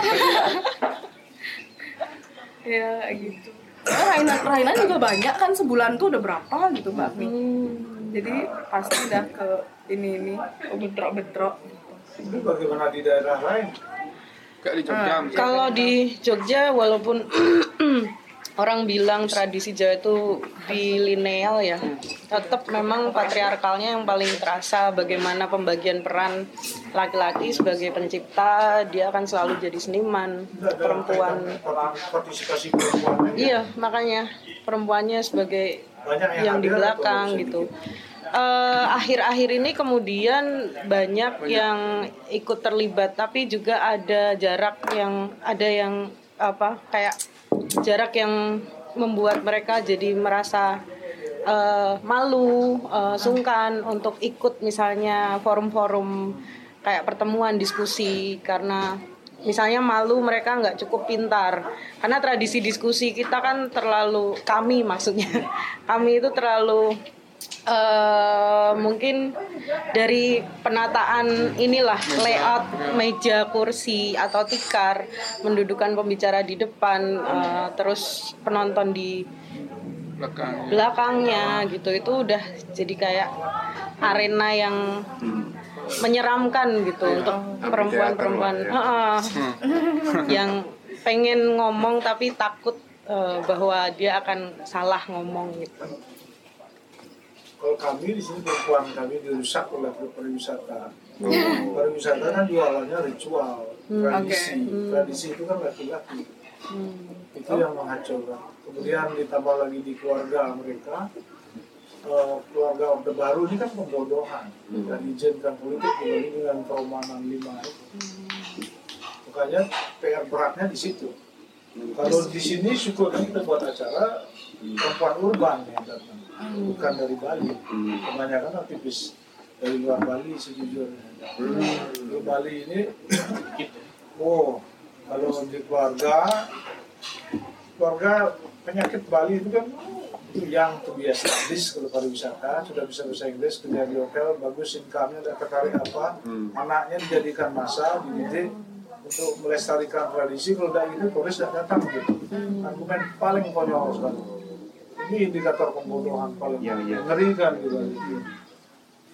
Dan jarang di- dilihat orang luar. Dan coba sekarang semua daerah pasti ingin pariwisata di sini kita pernah survei anak-anak yang belajar ke sini hampir semuanya menginginkan kerja di kapal tidak di hotel tidak ada mau jadi jurnalis tidak ada mau tertarik sastra Indonesia apalagi jadi petani ya fotografer apa tidak ada semua pasti pariwisata Kalau nggak jadi youtuber. ya seperti itu aja Tapi kalau di sastra malah kebanyakan yang perempuan. Semuanya ada. Kalau di Ya, enggak kalau di stop ya. Maksudnya di teater misalnya. Iya. Lumayan tinggi perempuan Kalau di teater. yang teater. Iya dia lagi-lagi urban dia nih Ya, pariwisata itu emang ini ini tadi emang perusahaan Bali bang.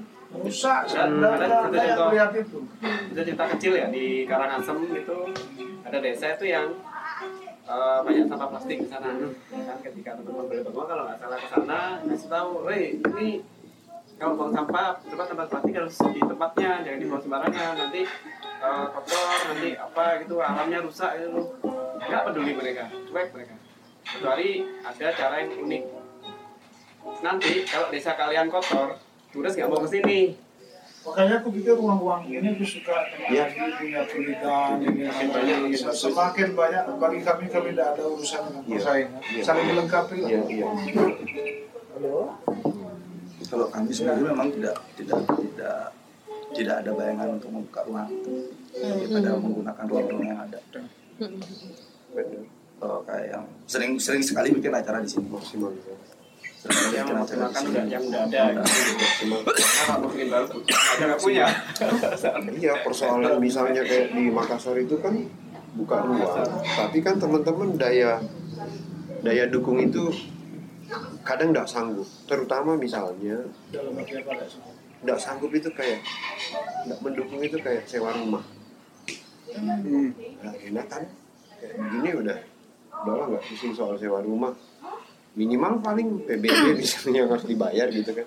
Di sana ya sudah keluar kampus bikin komunitas segala sejenisnya ya Oh, itu rumah harus itu juga persoalan yang tiba-tiba teman-teman yang sudah dikenal tempatnya pindah lama loh di mana lagi Oh, itu kendalanya. iya kendal saya kira salah satu hal yang kalau soal-soal yang sering dihadapi teman-teman ya tapi kalau misalnya kayak saya yang ada juga perpustakaan ya karena rumahku ya udah nggak pusing kayak Oh, mainnya aja gitu. Iya. Karena tak lihat kan juga Pak Bali dan pasaran gitu terutama itu ruang sebenarnya banyak sekali. Hmm. Banyak sekali. Yang Hanya saja kan kemudian bagaimana supaya dia terus berputar gitu loh. ya Kayak yang Maha Art misalnya. ah hilang. Itu galeri yang Ulang, ya. gede. itu dulu kayak gitu. kan? Ya, semua anak-anaknya di magnet lah dulu. Terus ada mati gara-gara? Pindah. Enggak. Masih di situ. Terakhir tapi kapan hari? terakhir terakhir kemarin itu aku ke sana jadi kafe loh. Belas, nggak belakangnya juga. Oh, belakang. belakangnya jadi kafe. Jadi kafe sekarang. Maha Art yang di Merdeka. Tapi ngomongin space sebenarnya Bali sekarang jadi sangat menarik ya. Eh, kalau kita flashback ke belakang, mungkin di Jogja tahu era-era 2000-an awal, Mas 56 memulai dengan galeri rumahan, yang kemudian ditiru konsepnya diadop- diadopsi oleh beberapa komunitas di Jogja, akhirnya di Bandung, Jakarta, sampai ke Bali juga. Nah, kalau sekarang kan eranya era kafe-kafe apa istilahnya eh, apa yang namanya co-working ya kan. Nah, di Bali muncul nih ada taman pertama taman baca, bukan co-working space tapi dia. Taman baca dengan berbagai aktivitasnya, ada pendidikan, terus ada rumah sanur, ada rumah seminyak, ada yang berbentuk galeri kayak gus-gus. Nah, kemudian kafe-kafe ini mulai bagaimana cara menggait pelanggan dengan cara bikin kegiatan. salah satu kegiatan yang sekarang lagi populer adalah pameran. Iya kan pameran foto, pameran lukis, pameran skate. Yang paling gampang, wah ada komunitas skate nih, diajak skate pameran di sini. Berarti otomatis akan mendatangkan banyak orang. Walaupun sebenarnya kualitasnya nggak se apa ya nggak sedalam di kayak taman baca atau rumah tandur atau di kuskus. Cuman showcase saja karya-karya kecil gitu. Tapi jadi menarik. Yang yang fenomena yang baru itu sekarang di Canggu. Canggu itu menjadi apa ya? Wilayah yang menurutku keren sekarang karena eh, selama ini kita membahas seni di Bali adalah ubud dan basar udah selesai. Kemudian At Bali bikin di Nusa Dua, ya kan? Orang-orang Arco kan bikin Nusa Dua yang masih sorry itu saya masih eksklusif sekali. Nora dan basar ke sana cukup jauh. Nah terus kemudian yang muncul di Canggu ini eh, seni-seni yang populer, seni-seni yang tidak pernah terbayangkan ada di Bali. Fotografinya sangat kontemporer, sangat pop up, pop up.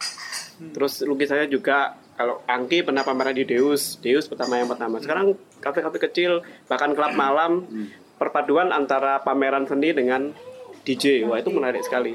Itu sama sekali nggak terbayang. Canggu ini kayak jadi ent- entitas karena Baru. ini ya, kalau nggak bisa dilihat canggu itu kan kayak yang kalau kita ngomongin ubud misalnya Hmm. atau di pasar itu kebanyakan masih diisi sama bukan maksudnya rasis seperti itu Hmm. masih diisi sama kawan-kawan Bali lah yang ngumpul di sini Hmm. di sini nah, sementara canggu ini kan urban urban banget ya. Urban. jadi seniman yang datang pun seniman Jakarta seniman di mana-mana Ya dari berbagai negara banyak sekali. nah, mereka kemudian Hmm. apa mem- membuat atmosfer kesenian yang itu baru ya, itu sangat menarik dan itu ti- belum terjadi di Indonesia mana pun, terjadi di Canggu. Jadi kayak Betul. satu baru. Mungkin karena internasional juga kan. Ya. Karena- Iya, iya, iya. Canggu kan kayak semacam kuta baru, tapi orang-orang yang kecewa dengan kuta dan seminya akhirnya ngumpul kecewa dengan ubud juga ngumpulnya di Canggu. tapi juga jadi mengerikan juga karena eh, kalau ngikutin yang Alcaps misalnya Mm-mm. boom naik dari gunung tropikal Mm-mm. habis itu sekarang bimpung Tenggelam deh. dan dan peperangan antar ini lumayan Ya, kencang karena organik gitu Nggak orga Bumbunya nggak langsung naik. Ngeri-ngeri sedap di sana itu. Bahkan mungkin seni, seni- apa orang-orang apa ya istilahnya ya eh, komunitas seni di Indonesia nggak nggak pernah melirik canggu mungkin. Dengan bentuk yang sangat baru ini menurutku ya.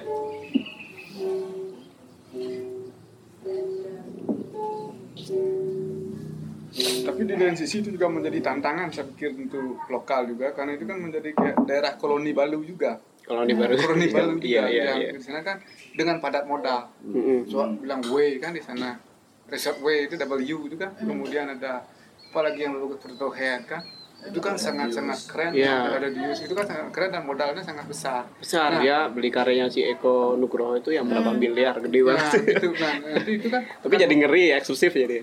eh, memang dia menjadi sangat internasional terus sangat mungkin kontemporer sekali yang sangat kekinian lah bilang tapi di lain sisi nanti berapa orang sih yang eh, seniman lokalnya lah bilang bisa masuk ke sana? itu pasti akan yang paling bisa masuk sana sering itu. Jir. Mm-mm. Iya. yang Jir bisa bisa main Atau di situ jangan-jangan mereka itu cuma Iya. jadi ini itu sebagai pemanis doang gitu. atau atau Biar ada balinya. Ah, aku benar berpikir sebaliknya Hmm. bisa jadi mungkin orang Bali bisa bisa mendekati ke sana nggak nggak berinteraksi dengan seniman nggak ada interaksi intens gitu dengan seniman Oh, iya. di situ Iya. Iya. Iya. iya, jadi kayak yang gitu, kayak yang nggak tahu ya gitu kayak yang eh, pada asik di sini main di sini aja Hmm, dan mereka hanya asik main di situ doang bisa jadi sih. jadi kayak nggak terhubungkan gitu. Emang Canggu itu kayak planet lain dia. Tidak terhubung dengan Denpasar, tapi ketika kita masuk ke sana dan dapat satu link, kita bisa masuk beneran di sana. Tapi sangat menarik kalau rupa seninya itu Tapi- sangat beragam. papoh banget maksudnya papoh itu oh satu ketika itu saya pernah bayangan apa gitu soalnya pakai rockness Hmm. yang main jangan tapi pas ada gaya Hmm? terus karena cuma dua band main dan terus saya cepat terus tiba-tiba kami bikin diskusi dengan speaker Oh ya? Bukan Dan di itu di tidak adil. shelter. kan Oh. Mendadak.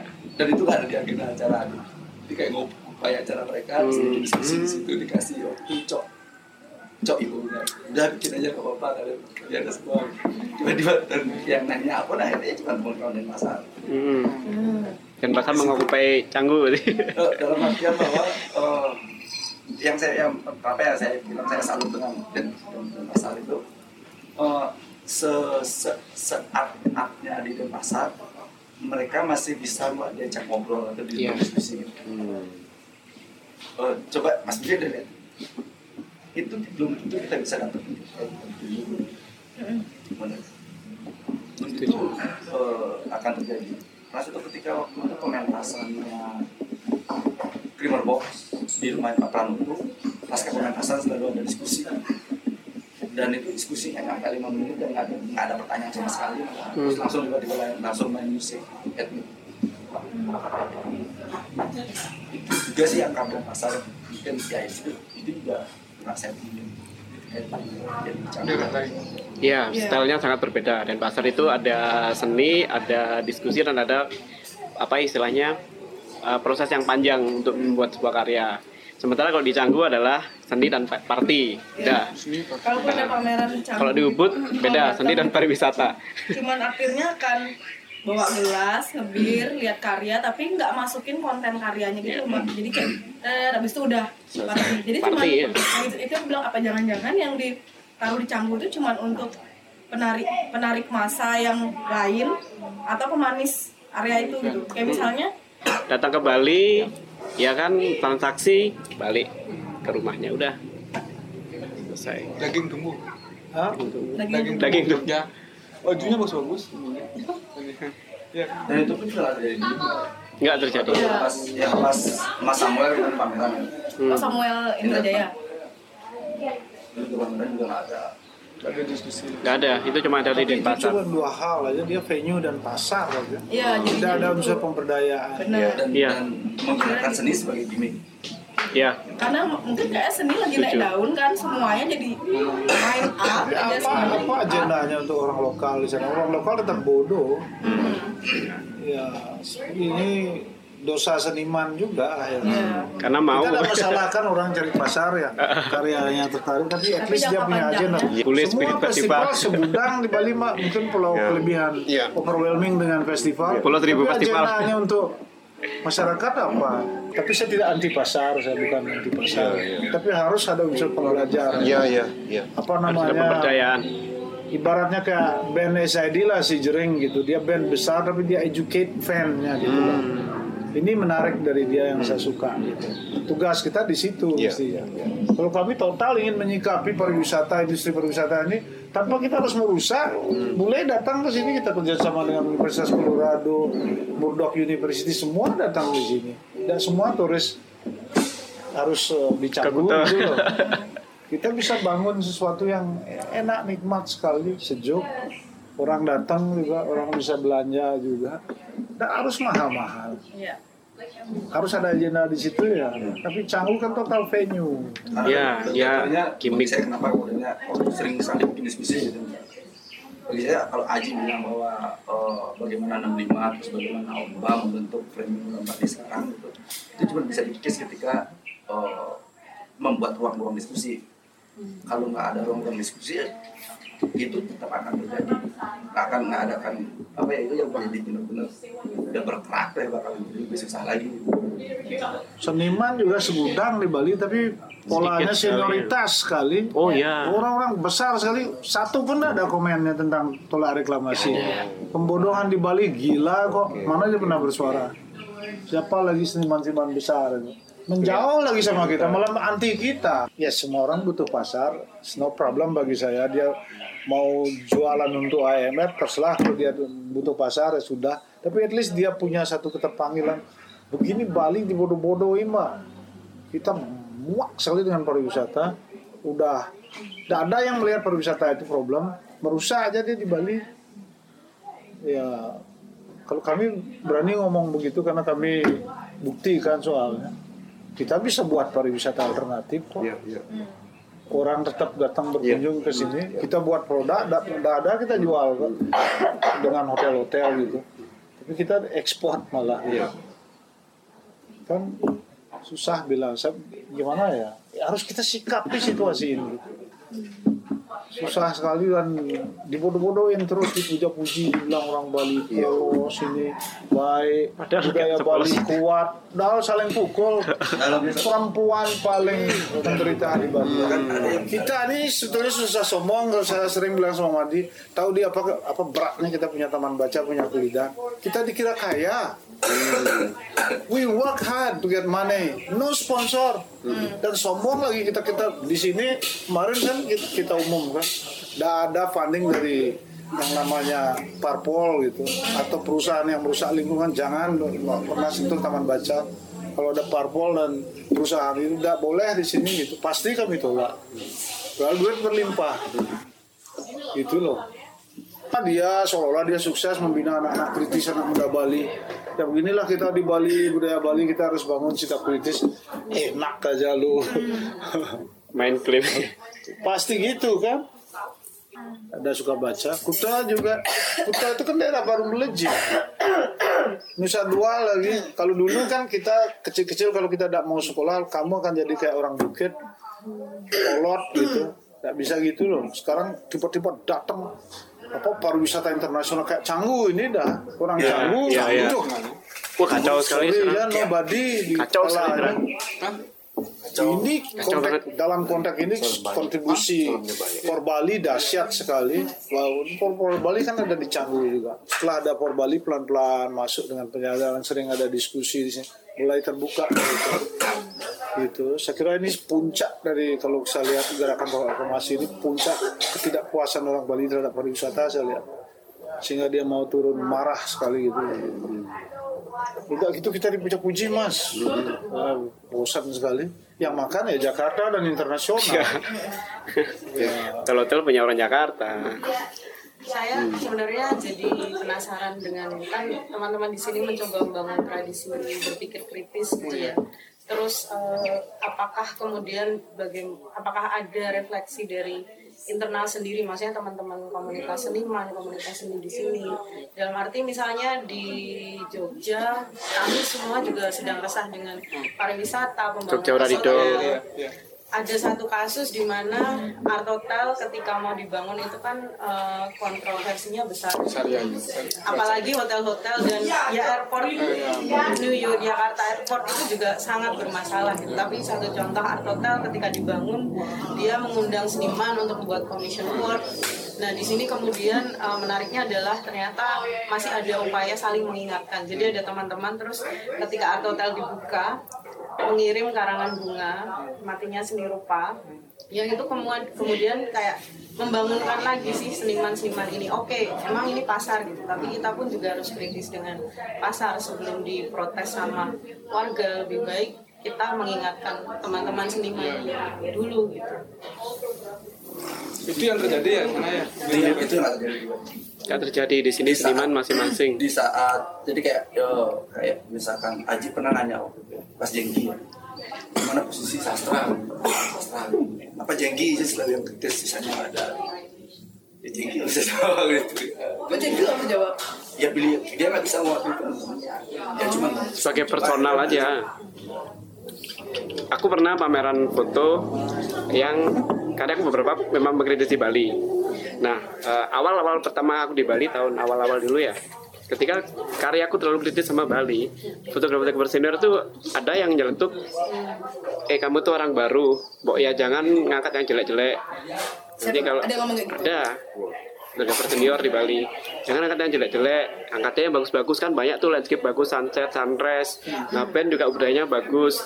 Aku bilang Loh, ka- karena aku orang baru kan aku ngetikku yang aku lihat aja kan. Ya masa ngapain dari tahun 80-an fotografi masuk Bali bahkan orang orang orang Bali udah mulai pegang kamera tahun 80-an sampai tahun 2000 berapa ya? 2010 2011 masa di foto gitu-gitu aja? Ngapainnya nggak ada yang berubah gitu-gitu aja fotonya ya kan ngapain selalu di foto ya udah kelihatan gitu aja sunrise sunset terlalu gitu-gitu aja nggak ada hal yang baru nah perlu kita ada kesadaran oh ayolah kita coba angkat yang jelek juga gitu. tetap aja nggak bisa nanti kalau nggak ada turis ini kamu nggak bisa dapat kerjaan oh nggak apa-apa Tapi memang kalau di Jogja kemudian kecenderungannya kecenderungannya jadi sangat hitam putih sih. Seperti kasus eh, airport di Jogja yang di Kulon Progo itu Hmm. gitu. Dilemanya adalah karena kemudian banyak seniman dari Jogja yang nantinya akan menjadi konsumen dari airport itu. Sementara aksi-aksi solidaritas itu juga digerakkan oleh teman-teman seniman gitu. Sebenarnya kita masih bingung sih dengan posisi itu. Ya, akhirnya memilih posisi abu-abu karena kita eh, mungkin hanya bisa menemani karena seniman mungkin eh, juga bukan aktivis yang eh, bisa melakukan banyak eh, apa ya kerja-kerja eh, itu gitu advokasi jadi kita akhirnya memilih berada di wilayah pendampingan tapi akhirnya itu mungkin nanti kalau ada kasus apa saling mengingatkan lagi gitu. Tapi sekarang memang lagi jadi ada dua kubu seniman yang mengerjakan commission work di airport dengan komunitas yang menentang itu Kalau itu terjadi dari taring padi atau dari sebelumnya? Eh, sebenarnya malah justru generasi mudanya sekarang Yang baru ya berarti ya. yang baru Taring padi masih manam kan 2000-an awal ya. Tapi menurut saya yang begitu-gitu selalu ada. Biarin aja menurut saya. mumpung saya ingat ini eh, soal tolak reklamasi kan Makassar juga sebenarnya mengalami yang sama sebetulnya meskipun eh, bergeraknya itu beda lah beda itu dalam artian kalau misalnya nih dari pantauan sosial media atau berita kan teman-teman di sini kan udah kumpul lah ribuan orang gitu bahkan mungkin ribuan-ribuan lagi gitu Iya. Nah, di, di apa? Banyak teman-teman bilang kalau katanya saya nggak tahu ya mungkin sekalian klarifikasi nih apa benar nih berita yang sampai misalnya Banjar berperan besar atau pecalang atau apa saya nggak tahu apa benar begitu Benar. Hmm. Deklarasi desa adat. itu. Bisa ada. Bisa ada tuh Bang. Desa adat itu membawahi banyak. Hmm. Kalau desa adatnya sudah bilang itu artinya banyak sudah mengikuti. otomatis. Malah ada ada desa adat yang mengeluarkan awik-awik ya. Ya. Ya. tapi teman-teman yang aktivis itu boleh dibilang petanya siapa yang bergerak dalam artian semuanya Semuanya. dan bahkan menariknya kalau Forbali ini dia melahirkan aktivis-aktivis di Banjar hmm. gitu Hmm. jadi semakin terbuka pelan-pelan mereka mengerti sekali lembaga seperti Walhi dan Walhi ada sejenisnya Iya, tapi yang yang bermain semua itu nyampur. Walhi ada, Forbali ada, desa adat Punya peran masing-masing. motornya. Kalau Walhi misalnya perannya bagaimana? Ikut ikut uh, menyuarakan uh, berkontribusi tentang data, Penelitian. data tentang di mana ada itu kadang desa adat kan nggak nggak nggak Nggak sampai ke sana. nggak sampai di situ. Nah, bagian Jadi itu yang, disosialisasikan ke desa adat. di bagian itu yang menurutku patah sebenarnya Ya. di Makassar. Di sini semua berperan. Lima. Saya saya pernah kritik teman-teman. Jadi obrolan ada teman di Wali, eh dekat teman Wali. Saya juga sebenarnya kenal mereka, tapi saya bilang eh saya sangat bisa bantu secara pribadi atau ajak mungkin teman-teman siapa tahu mau gitu kan. Tapi soalnya adalah kita nggak punya data. Jadi kalau usulan saya waktu itu, meskipun sudah kejadian, sudah direklamasi segala macam. Tapi usulan saya waktu itu harusnya ada pusat informasi dulu dibikin nih. Ini wali udah megang duluan datanya, itu nggak disebar. Ini seakan-akan beban moralnya cuma di wali. Nah teman-teman yang lain kan sebenarnya ada yang mau nih. Saya juga saya bilang kalau mau ayo saya bantu.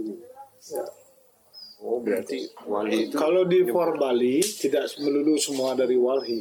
Kadang maksudnya datanya data ya kalau yang kayak kajian itu memang tugas Walhi kan sebagai tapi kalau tidak semua sepenuhnya dari Walhi. Tapi kalau kayak kontak reklamasi wah yang ada orang masang apa aja di laut itu dari desa adat dapat laporan bergerak dah kita. Gitu. Sama-sama jadinya. Mungkin data Walhi masuk sharing datanya itu diskusi kayak begini diskusi ada meetingnya. Dan di Forbali itu divisinya gila. Dinamikanya kuat sekali. Ada oh ada macam-macam lah. Gitu. Se- jadi cepat sekali. Iya, iya. bergerak sedikit aja gubernur Iya. kita tahu. Hmm. jadi cepat direspon gitu jadi semua proaktif tidak hanya terbatas di Walhi aja Iya, iya, iya. Walhi ada, eh, kemudian dari banyak-banyak juga datang dari desa adat juga datang kayak sekarang wahnya Walhi ngasih data ada tambang pasir di pantai Legian, Legian bergerak juga. langsung Jangan hancurkan pantai kami gitu. Seperti itu. Yang gila lagi solidaritasnya mas. Iya. Soal duit tak pernah ada Iya. sponsor. Hmm, hmm. Itu menarik. Jadi buat buat baju masing-masing banyak berkembang jadi kreativitas. Kemudian buat banner sendiri-sendiri. Sekarang direbahin dia buat lagi masa. malam roboin pagi udah berdiri lagi sering kali Gila, sering banget diroboin Dan saya jujur saya ternyuh sekali lihat kalau kita demo gitu. Datang karena dia kerja di hotel kan. Datang lah bilang sama Gendo kadang diwakili sama saya dia bilang aku bisa ikut sampai jam 2 aja karena sebentar lagi hotel. Nah, nah, silakan ikut istilahnya dia ikut nyorong sampai jam 2 gitu. Start jam 1 ya udah jalan. Jam 2 pulang, jam Iya, 3 pulang. Gitu. Ah, ini kerja di hotel Iya. pulang lagi. Hah?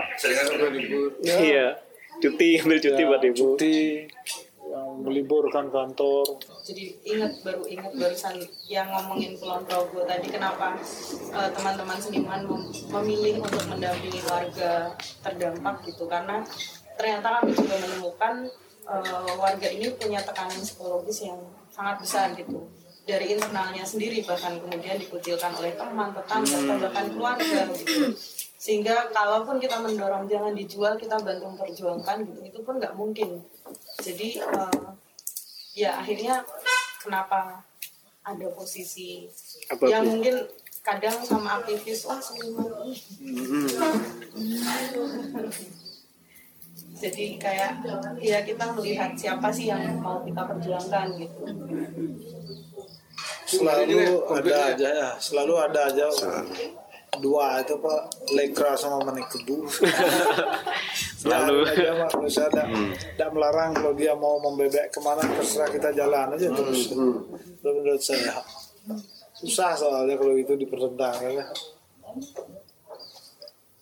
Karena kita kalau tidak tahu siapa taman baca ya kita konsen betul dengan Bali ini.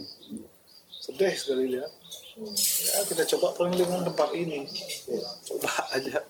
Habis gimana lagi dan siapa lagi gitu. Syukur ini ada Rai ini anak muda dahsyat sekali. udah beda dan berbahaya Ada Fikri, ada Adi yang walaupun dengan yang yang yang begitu kan selalu minoritas Iya, biarin iya, aja. iya, iya. Nah, risikonya gak gampang banget. Pertama dibenci di rumah, dibuang di rumah. Udah pasti saudara ada semua suka sama kita. Tapi kalau, kalau kayak Alkep itu hidup di Arai. Aku dengar itu udah Alkeps pindah tempat ke rumah pemiliknya. Mungkin juga faktor sewa tempat yang tinggi ya. pangkulan internasional. Di sana itu Canggu. canggung Tapi yang kita lihat juga di Jogja itu bagusnya eh, atau menariknya senimannya bisa merintis pasar sendiri itu gimana caranya mbak? ya itu mungkin sebagian kecil aja ya sebagian besarnya masih mengikuti arus pasar Ada juga. eh, ya Nggak karena kelihatan ya juga- kayaknya. kan kalau di Jogja mungkin pro dilema dilemanya juga pasar kan nggak cuma pasar konvensional di mana ada kolektor membeli karya tapi ada pasar institusional yang lebih ngeri lagi funding-funding yang masuk punya agenda sendiri. Kalau posisi Arjok di antara seniman-seniman Jogja gimana? Kurasinya apa tanggapan orang? iya posisi posisi Arjok nih. Kalau Arjok ini kan kayak pasar ya? Pasar baru ya berapa tahun terakhir ini kan? Eh, kalau seniman di Jogja mungkin, nah ini juga eh, menariknya Arjok adalah dia bisa menghidupkan eh, komunitas seni di Jogja. Karena kemudian dengan adanya Arjok semua galeri ruang seni jadi membuat pameran. Terus dari tukang becak sampai penjual makanan itu pasti kebanjiran dari turis-turis Arjok Eh, tapi kemudian teman-teman yang juga kontra dengan itu bahwa ya itu tuh pasar aja nggak usah dihiasi dengan wacana kuratorial kalau mau jualan jualan aja gitu.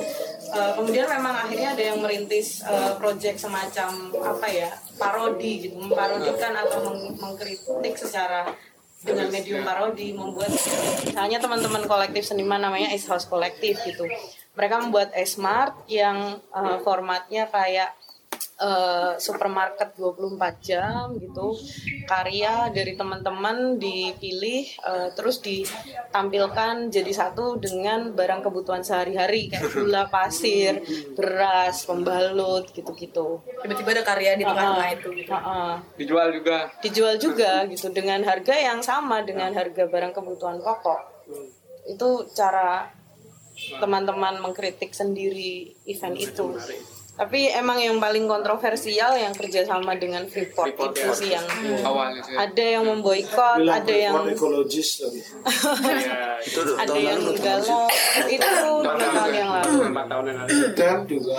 Tapi jadi kemudian uh, ada pengalihan lain bahwa itu kemudian ditunggangi oleh orang-orang lain yang punya kepentingan lain akhirnya Tapi makin kelihatan ketika orang yang sama bikin Tanjung dan bikin At Bali. Mm-mm. Dia tidak melakukan memperla- memperlakukan Bali seperti memperlakukan Jogja. Gitu. Ya, karena kalau aku lihat sih Jogja tuh konflik kepentingannya besar ya di dalam komunitas seni sendiri gitu. Kalau di sini Mungkin kalau pandangan pesimisku adalah dengan terlalu banyaknya kesempatan dan jejaring yang kita punya gitu. Jogja Orang ini. cenderung seniman kemudian jadi cenderung oportunis gitu. Melihat mana yang akan Lebih bagus besar. buat karirnya. itu di seni lukis ya? Oh, enggak cuma seni lukis. kenapa tidak belajar dari Bali gitu hanya dalam sorry kalau saya pakai lagi contoh kayak ICID ini ya dia selalu menarik seniman kecil itu diajak gitu. Sekaligus gak- kayak dia buat apa di Kuta Kuta Rock City itu tempat dia. Pakai semua lah apa silakan main gitu. Ya, ya. kita maju bersama gitu. Dia gimana saya bilang dia band besar mau begitu gitu. no stress juga mau seperti itu. Selalu dia ngajak humble-humble kali. Nggak ada konsep saya lihat nggak ada konsep persaingan. Kenapa? Itu bagus. ini ditarik semua diajak maju. Semuanya ada orang yang baru naik dia ikut main sama-sama gitu loh. Bagus sekali Di Jogja tuh kekerabatannya besar sekali. Uyuknya. Jadi juga. dengan contoh misalnya dengan contoh Arjok eh, sponsor Freeport gitu kan banyak yang galau karena mereka memperhitungkan kekerabatan mereka dengan Hari Pemat misalnya. Sebelum merintis Arjok atau bahkan sebelum Arjok disponsori oleh Freeport. Jadi mereka kemudian me- memaafkan, memaklumi untuk kali itu. Oh gitu sampai itu Di Bali kayak gitu. seniman kan narik-narik gitu Eh, eh, Oke mereka punya keinginan untuk membuat satu yang seperti Arjok di Bali gitu. Nah hanya saja keinginan mereka terrealisasi karena kebutuhan IMF ini gitu. Kalau IMF ini oh, eventnya dibuat di Ubud bisa jadi itu akan terjadi di Ubud. Berhasil. Enggak, belum tentu berhasil loh ya. Bisa jadi itu akan terjadi di Ubud. Yang yang notabene tidak se-eksklusif. Jika eventnya misalnya jadinya di Sekuati gitu misalnya. Event IMF di Sekuati bisa jadi itu gedungnya dibuat di Sekuati. Kayak gitu. Nah, Lebih pada pada posisi kelahiran mereka. Nah, ketika mereka udah kadung. At Bali. Bali. Bali ini ya. Ketika udah ter- terlanjur lahir Di sana. Di eh, sana. di di di sana di Nusa Dua gitu. Kan bebannya kan beban menghidupi gedung kan. Iya. hmm. Bedanya kan kalau yang Iya, di Pak. Arjok kan nggak pakai gedung mereka kan. Mereka pakai kayak Tempat yang tempat sudah ada. terbuka kan itu Enggak, Pak, ini apa? Galeri Nasional. Jogja, Jogja? Benteng gitu kan. Bukan, bukan, bukan. Kayak Terus festival kesenian. gedung kesenian Jogja, Oh, tahun budaya. Taman Budaya. Temen, lebih Kayak ke center. lebih kayak art center kan, Ah, bukan ah, kalau yang sementara bukan kalau di, membangun baru bukan bangunan baru. Kalau di sini dia bangun baru. Di sini kan bangun membangun baru tapi memang karena kebutuhan. Ya memang juga karena keterikatan sama Backcraft sih Backcraft bilang saya Nah. bikinin lima tahun harus kepake gitu Makanya sayang banget kan ketika di Arjok mereka berhasil memberdayakan seniman-seniman lokal semua hidup. Ketika bikin di Art Bali di Bali konsep itu sama sekali berbeda dengan yang di Jogja gitu. Itu sayang banget sih menurutku. Iya. kayak back- backcraft backcraft yang punya agenda untuk menyediakan Tempat ini. eh, apa menyediakan event support untuk acara ini backcraft yang kan itu agendanya pemerintahan backcraft punya terus ya bagi dia siapa yang paling berhasil sih manajemen seni hari ini? Iya, dari, Arjok. dari Pemat. Dari Pemat dengan arjoknya mereka. Ya udah paling gampang kan daripada dia nyari-nyari baru gitu yang belum belum tentu gini lebih baik cari yang udah jadi Nah, kenapa? kunci lah dia di situ itu soalnya dulu Iya, dia kunci di situ akhirnya gitu Aku belum pernah ke sana sih minggu depan. Minggu depan akan ke sana rencananya. Aku juga pernah ikut Arjok 2013. Dan akhirnya ketika melihat Art Bali sebagai bentuk baru Arjok di Bali, kelihatan sekali perbedaannya. Gitu. Hmm. Karena Arjok sendiri misalnya tahun ini kan jadi festival gitu. Kan Nah. saya sendiri mempertanyakan kenapa dia berubah format jadi festival, ada agenda apa dari misalnya pemerintah Kota Jogja gitu. Oh, ternyata ketika saya terlibat di festival kesenian yang disponsori sama Dinas Kebudayaan, memang Pemkot Jogja punya agenda tahun 2023 akan membuat Jogja jadi mercusuar eh, seni budaya. festival arahnya ke sana ya. Heeh, jadi ya akhirnya karena Arjok sendiri juga dapat dana dari dinas kebudayaan mungkin itu cara dia untuk entah survive atau mengambil peluang. Kalau peran ini bagaimana Mbak? Eh, kenapa bisa tiba-tiba misalnya dengan 9 tahun itu sukses misalnya job di sana? Peran pasti ada unsur peran yang lain itu kan seniman-seniman atau artis Kalau- yang lain. Kalau dari pembacaan saya ya dia mungkin satu-satunya art fair yang berbasis keseniman. Jadi bukan galeri yang melamar, eh, yang membeli stand gitu kan. Ah, Art fair model umumnya kan galeri beli Ah, stand. kayak di Jakarta Ah, misalnya, ah. apa namanya? terus jadi ruang etalase aja, aja, etalase buat karya-karya Ya. seniman tapi itu kan langsung seniman langsung Kayak berhubungan dengan organizer Jam itu kayak pembukaan kayak nonton konser. Banget ngantri. Oh itu itu ininya bedanya. Luar biasa. Heeh. Kayak di Bali kan belum pernah pameran tapi masuknya udah kayak Tapi ada yang bilang dis kuratornya juga penting. Dis siapa yang mengkurasi. Kalau saya pribadi pandangan saya dengan adanya Art Bali ini, eh maksudnya biarkan aja ada seperti itu. Iya. Bagus. Iya. Pertama bagusnya Bagus, apa? Bli. Eh, pertama kan dia eh, akan menjadi mudah-mudahan misalnya rule-nya sama seperti yang di Jogja mau kan Jogja Jognya be- naik kan setelah 9 tahun saya dengar kan mungkin Hmm, Bali ini kan baru 2008 Oh, baru Berarti naik 2008 ya 2000. 11 tahun 11 tahun Nah, kan itu ya. kan 2013 udah rame banget. Nah, artinya kan hampir 9 tahun. Nah, ini kan baru baru 2 tahun. Baru dua tahun. 2 Ya. tahun. Arjok di usia ketiga tahun itu udah rame banget nih. Udah sana. Udah rame banget. Aku 2013 Tapi udah tiketan nggak sih? Dari awal Eh, tiketan. tiketan tuh baru kayak Baru. dua tahun terakhir Oh, baru 2 tahun. aku 2013 tuh udah tiket. Hmm. Kalau nggak salah ya. Ya, Bayar kok. Oh, iya. Da- itu kalau waktu itu pertimbangannya untuk gitu kan? eh, menyeleksi audiens Oh, karena iya. terlalu banyak orang yang Yang datang masuk. Karya jadi rusak Ah, itu menarik juga ya. Kalau di sini dikasih gratis orang nggak mau Oh, di datang. sini. Oh, Jadi susah. karena gimana ya, Bel? di Jogja soalnya apa-apa yang ditiketin orang nggak akan datang Taman Tapi Arjok budaya, datang. taman taman di sana juga apa ya? Karena mungkin banyak mahasiswa ya, Iya. banyak mahasiswa, jadi dinamikanya lebih Iya. hidup. Eh, Terus kehidupan mahasiswa juga lebih hidup dari sini ya. Ya, Ekuan, lebih dari sini. ekuan itu. Jadi kalau itu juga yang membuat kayak mereka ya nggak nggak sungkan untuk masuk. Udah dekat dengan seni kesenian. Tapi ya. Kalau yang menurut saya yang, yang lebih menarik itu kan sebenarnya kalau ngomongin Jogja itu kan saya sempat ngobrol sama teman-teman dulu itu kalau orang nggak bisa dengan gampang pameran di Jogja. Iya. Kayak gitu. Susah memang. Jadi kayak dia juga harus kayak presentasi konsepnya kayak gimana. Siap dibully baru berani pameran, baru berani pamer. Beda dengan kalau yang di Bali ini. Saya pernah ikut yang dia cuma setahun kursus di Pak Pranoto, terus bikin pameran. Pandai. Nggak ada yang dibantai karena memang tidak ada tidak ada orang ruang untuk itu ya yang tidak ada yang kita Kritik seninya itu yang nggak ya, ada ya, kritik seni. kritik Nah, seni Cuman ada di Denpasar ya. Kalau membangun itu gimana caranya, Mbak? bahkan di Denpasar juga membangun Kritik seni. Sebagian ada. kalau kami kayaknya emang nggak? ada maksudnya secara kolektif ya kritik Ah. seni itu mungkin lima tahun terakhir ini udah mulai berkurang gitu Turun, dalam artian pergerakan seperti dulu misalnya cemeti Oh, dengan ada yang mengcounter ABC asal bukan cemeti gitu Oh. melawan establishment cemeti dengan gaya barat eh, praktek gaya barat gitu dan itu membuat komunitasnya pun jadi lebih produktif gitu Iya, iya. tapi setelah itu lima tahun terakhir ini karena mungkin memang masih menunggu-nunggu ledakan pasar lagi atau pada akhirnya ada platform-platform lain selain pasar yang konvensional itu tadi. Jadi udah Maksud pasar konvensional itu siapa? Yang itu yang dengan ada kolektor, ada balai lelang. Sekarang kan pasarnya lebih ke itu.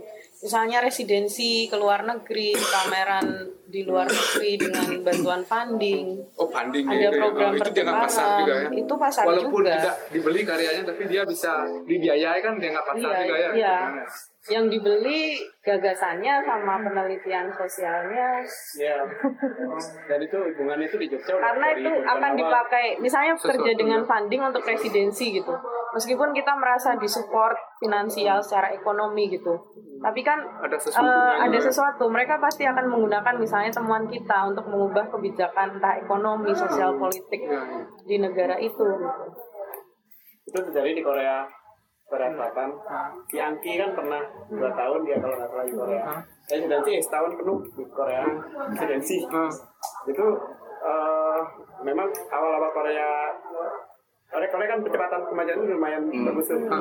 Dia mengundang seniman-seniman dari berbagai negara, mengundang arsitek-arsitek dari berbagai negara. Terus gagasan mereka ini yang kemudian dipakai Untuk membangun kotanya itu. Ah, makanya Korea itu kecepatan pembangunannya sangat dibandingkan negara-negara yang lain. Satu tahun nanti itu residensi terpanjang. Karena kalau mau dilihat lebih luas lagi, residensi kan juga bagian dari strategi ekonomi pariwisata pemerintah negara lain itu. Jadi mereka mengundang seniman Indonesia, membayari seniman Indonesia tinggal misalnya di Jepang gitu. Tapi semua uang kan akan dibelanjakan, Di sana. diberikan di sana. Iya. Ada politik itu juga ya. Ya selain nanti seniman Indonesia kemudian punya kontribusi itu ya. di orang-orang Jepangnya sendiri. Makanya menarik ini balik lagi ke kenapa sore ini kita kumpul kan si Gus Gus eh, mengadakan residensi. Yang mana galeri di Bali mana residensi ya? Ada sih Tata dulu ada ya. Ketemu. Ketemu Temu project ya. Ketemu. Ketemu sih ada sekarang bagus ya. mulai muncul yang kayak gini-gini. Dulu nggak ada sama sekali. Hmm. Iya, Ketemu nanti kulidan. Saya juga waktu masih mengelola residensi juga tertarik sama wacana pasca kolonial. Jadi waktu itu saya punya misi membuat residensi ini jadi laboratorium pasca kolonial. Jadi salah satunya ada beberapa proyek misalnya dari seniman asal Bandung gitu. Dia tertarik dengan isu komodifikasi budaya. Dia memilih situs eh, Taman Sari eh, di mana kebanyakan warga yang tinggal di situ bekerja sebagai pemandu wisata. Eh, dia melakukan semacam eksperimen sosial. Jadi setiap hari datang meminta dipandu oleh guide yang beda-beda gitu. Ternyata ada cerita beda dan baru setelah ditelusuri ada ini, ada pemandu wisata resmi yang didikan dinas pariwisata, ada yang nggak resmi yaitu penduduk yang dapat ceritanya turun temurun. Tapi yang menarik dari cerita itu bagaimana kisah itu eh, memunculkan dualisme. Karena gini eh, situs Taman Sari itu mau di apa sih namanya revitalisasi oleh Sultan kembali lagi menjadi situs bersejarah. Dalam artian kemudian warga di situ akan digusur. Tapi untuk untuk masih bisa bertahan hidup mereka memberikan cerita tentang Taman Sari yang memuja-muja Sultan gitu sementara mereka sendiri korban. Calon korban. Nah itu yang menarik dan digali dan uh, si seniman ini kemudian membuat pertemuan antar pemandu wisata uh, untuk jadi dia bikin kayak sejarah fiksi tentang Taman Sari yang kemudian semuanya jadi beradu argumen di situ yang resmi jadi nyaring sekali suaranya sementara yang nggak resmi merasa sangat inferior di situ. Karena eh, apa ya? Ya seperti itu sih. Jadi saya tertariknya lewat proyek-proyek seperti itu sih di dalam residensi. Atau dia bikin apa? Karena batik motif-motif tertentu dianggap sakral. Dia membuat eh, keset besar dari sabut kelapa terus dikasih motif Motif batik itu. itu. dan ditaruh sebagai keset Ya, Jadi pengunjung yang datang- apa? Heeh. Kalau yang nggak tahu sih nggak ngerti juga ya. Kalau kalau nggak tahu konteksnya. Mungkin ini bagus juga di, dipetakan nanti ininya space yang ada itu. Maksudnya ya pas eh, ke Bali kan eh, bilang lah tempatnya kan di Nusa Dua. Mungkin ya sudah eh, yang yang kita tahu lah sekarang artis-artis yang udah jadi lah misalnya pameran di sana terus kemudian eh, mungkin ada pasar juga dan harapan kita misalnya kan kalau eh, yang positif yang yang yang yang aku masih pikir dari sana ada dua. Pertama eh, siapa tahu ini dengan di, dibuat dengan pengalaman saja kemudian dibentuk di sini siapa tahu untuk marketnya bilang akan tumbuh. Oh, setelah semoga. uh, semoga gitu lah bilang 9 tahun ke depan. Terus kemudian yang kedua dengan adanya berbayar seperti ini saya, saya, saya lihat juga banyak akhirnya eh, dalam kutip kelas menengah yang di Denpasar atau orang Timur Timur yang kuliah di Denpasar saya anak-anak menteri di Timur Timur saya ketemu di sana oh dia ngelihat karya seni. Jadi karya seni itu sesuatu yang bernilai ya? bernilai dan kemudian itu diapresiasi. Nah jadi eh, perluasan apresiator kan lain. Dan kadang-kadang kalau tempat seperti itu sudah tempatnya udah kelihatan mahal, eksklusif dan dia ada mungkin merasa gengsi sekalipun dia nggak nggak ngerti mungkin apa yang ditawarkan tapi paling nggak dia anggap oh dalam dalam si ini main ke sini keren lah gitu, baru tahap awal tapi kan. Kemudian kan pasti ada pertanyaan keren itu apa sih? Eh, apa sih yang istimewa? Kalau ke sana kan itu kan menjadi lebih lebih dalam. Nah itu saya pikir. Nah kemudian juga Proses. harus dipetakan nanti eh, space-space yang lain di mana posisi kalau bisa bisa ini ada suatu kekhasan tersendiri juga. Setiap space ini kan ngebentuk suatu kekhasan itu yang yang yang penting juga. Karena seperti kritik saya pribadi misalnya dengan Mega Rupa ini kan waktu diskusi di Bentara itu pertama kan kita nanya kenapa sih yang dipilih misalnya Museum Neka terus kemudian Arma kemudian Bentara? Jadi tempat-tempat yang sudah eh, Established. established lah bilang. Tapi kenapa misalnya mereka tidak mau memilih eh, tempat-tempat yang bilanglah baru eh, kemudian kecil tapi eh, ada suatu ide yang diperjuangkan di sana misalnya lihat oh kayak rumah Faros. Dia juga galeri rumah salah satu galeri rumahan menurut saya bagus. Kenapa dia berani membuat galeri rumahan itu? Saya pernah dengar dari dari kayak sendiri bilang Suto Wijaya katanya sebelum mendirikan Sangkring malah pernah main ke rumahnya kayak ini. Oh kamu aja bikin galeri di rumahan rumahan gini rumah biasa rumah Bali biasa. Balai dangin balai daun kayak gitu. Nah akhirnya aja bikin. Terus kemudian misalnya kayak di Suklu itu kan di batu belah space itu kan dia ngerti anak-anak menggambar di kaca yang mengangkat lagi tradisi seni rupa eh, Singaraja itu kan. Ini hal-hal menarik kan? Nanti kalau ini dipamerkan di satelit kayak di Jogja ada art job Eh, terus kemudian galeri kecil ini juga nampilin sesuatu nah di sana lah berperang wacana ya maksud bukan berperang wacana tampilkan oh kita kami mau- maunya begini kira-kira begini kan Wacana. menarik kalau bisa sinergi itu bagus Kalau bisa sinergi. Bali dengan galeri-galeri yang lain itu bagus. Memang mungkin harus perlu ada satu kasus dulu baru Iya. wacananya bisa dibangun bersama. sementara masih ada aja sih. Tapi ka- kalau itu sih kalau sama-sama saya lihat ininya ada eh, Mulai. Ya? mulai karena kan ketika di bendera Bu- eh, bendera budaya kan di digulirkan isu oleh siapa namanya yang dari James Pangkat. Ah, kan dia James bilang eh, apa? Craft is, eh, is new art. Craft is new art. Kemudian eh, karena Bali ini dianggap craftnya masih ada kemudian ini menjadi new art. Kayak memberikan tandingan lah juga terhadap pandangan Barat bahwa eh, sampai dia waktu itu kalau nggak salah ada sejak kapan sih eh, periode seni rupa modern itu di di Barat nah salah satunya new art. Nah otomatis teman-teman yang di Bali, saya dengar yang eh, yang di Art Bali ini yang terlibat, kami juga udah eh, mulai prakteknya ke new art. Saya bilang, satu contohnya misalnya Pak Nano Yuhero kan masuk ke sana, jadi dia dengan anyaman bambunya itu kan, bambu, ya. kan sangat keras sekali. Terus dia dia pakai contoh misalnya karyanya Yoko Saro misalnya kan itu berangkatnya dari craft ke art juga. Nah, jadi kan adalah misalnya eh, benang-benang ini nanti. Yang penting ini lembaga kayak Justus ini yang bisa mengkoneksikan ini. Iya, mensinergikan mensinergikan. semuanya. walaupun tidak ngubah jadi biarin aja. Misalnya si Art Bali maunya begitu kulit maunya begini rumah Paros maunya begini. Biarin aja. Tapi di sini ada semacam pemetaan melihat eh, keunikan masing-masing. Dan itu pun nanti kalau ini ada pemetaan yang bagus keunikan masing-masing seniman yang terpilih kan otomatis nanti dia milih sendiri. Karena setelahnya ketertarikan kan akan menuju ke yang sama dulu kan. Saya kayaknya tertarik dengan Rain ya si idenya. Saya akan ke sana saya lebih banyak mainnya. Kalau seniman lain oh, saya oh, lain saya saya misalnya tertariknya di art Bali. Saya memang udah me- mentarget diri saya harus market nih sekarang. Karena masalah berkarya itu saya udah nggak selesai ya silakan gitu. nah eh, kebentuk ekosistem ini yang yang yang penting Tapi kalau saya pikir eh, teman-teman sendiri juga penting untuk tetap menginisiasi pergerakan semacam ini sih karena misalnya Ya. Maaf. Ya, ya. Karena misalnya kemudian ada fasilitator berupa entah dia museum, institusi atau galeri, kecenderungannya tetap akan menjadi patron lagi gitu. Hmm.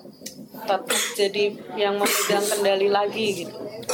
Mengiring gitu Kalau maksudnya. di sini sih selalu gitu sih mau ada apa ya pun kita akan kayak gini aja ya kan ini apa uh, izinnya dia juga akan terbit tiap bulan malah nggak pasti kadang seminggu sekali bisa nggak ada kalau aku kan aku kan bikin ini namanya seni dari libur. Jadi kalau libur aja aku bikin seni Kalau di di Jogja kan, eh, kalau saya kan nggak nggak nggak nggak ngap- apa sih nggak nggak masuk ke dalam gitu. Kalau melihat dari luar kayak keberadaan cemeti ini kan panjang sejarahnya kan cemeti terus kemudian ada IPA gitu kan. Dan cara pengarsipannya kan mereka oke kan Oh, ada pengarsipan bagus. terus eh, paling banyak ide-ide kan banyak di sana yang yang, di bisa ini yang anak-anak pengarsipan Yosi Yosi itu kan ada Lisis, ada in- institusinya kunci juga. kunci. Kunci, kunci. Ya kunci ya. Yes, Heeh. antariksa. itu bagus tuh. Nah, kalau aku lihat di sana, oh menariknya kan eh, semacam kayak ideologinya lah bilang kan di sana dibahas, dibahas tuh. Terus kalau seniman saya lihat kan memang dasarnya punya skill, punya skill untuk bisa merealisasikan ide itu.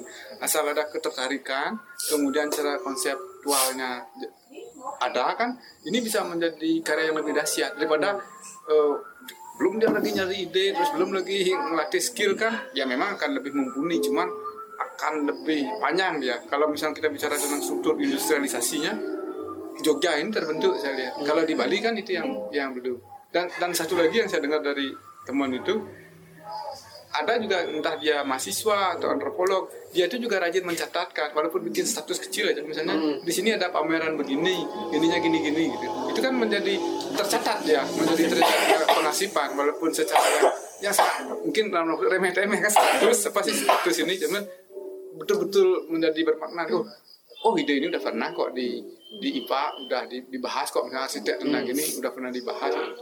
Itu kalaupun eh, kita mau bikin di sini paling nggak kan harus eh, modifikasi atau bagaimana kan eh, sebagai inspirasi aja. Jadi nggak nggak nggak bisa kita juga menganggap oh ide ini baru sih enggak oh, di, di luar juga udah ada gitu misalnya. Nah di sini kan itu yang belum. Bagaimana kita melibatkan kampus ya. belum bisa di sini juga pengarsipan masih kurang ya? Masyarakat di sini belum. Kurang sedikit. Jadi jangan Terutama- terlalu memuja Jogja ya.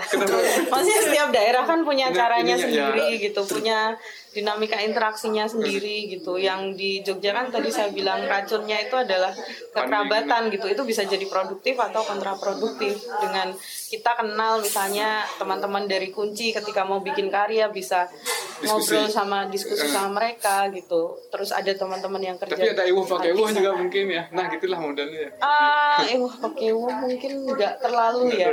Maksudnya kan jadi senioritas dia jadi Nah, pakem dia itu mungkin sedikit sedikit kelebihan eh, nggak senioritas itu nggak terlalu kentara eh, besar ya, nggak sebesar misalnya kayak di Bandung gitu. Itu kan oh ya sangat gitu. oh di Bandung malah Eh, eh, di Jakarta Jogja mungkin ya karena pada akhirnya semua orang tuh punya fokus sendiri ke pasar yang seperti apa, karir sebagai seniman apa gitu, karya produk karya yang seperti apa. Oh berarti di sana juga satu masukan baru juga saya konsepnya itu harus jelas juga Rai. Misalnya si, konsepnya seniman nih dia maunya Iya. apa itu harus dari dari awal. dari senimannya yang Ya, Dari itu- senimannya. itu karena tradisi kontemporer kan Heeh. mungkin kalau nanti tradisi kriya beda lagi kan Oh lain lagi ini Ah. kan di Bali kan kerja milik komunal dia bilang bukan bukan karya saya ini orang barang-barang kok bikin patung anggrek gitu misalnya kan ini kan barang-barang. ya. aku menarik menarik tentang pengarsipan tadi misalnya ruang misalnya cari jus-jus kayak jus-jus misalnya atau kayak kulidan gitu kan.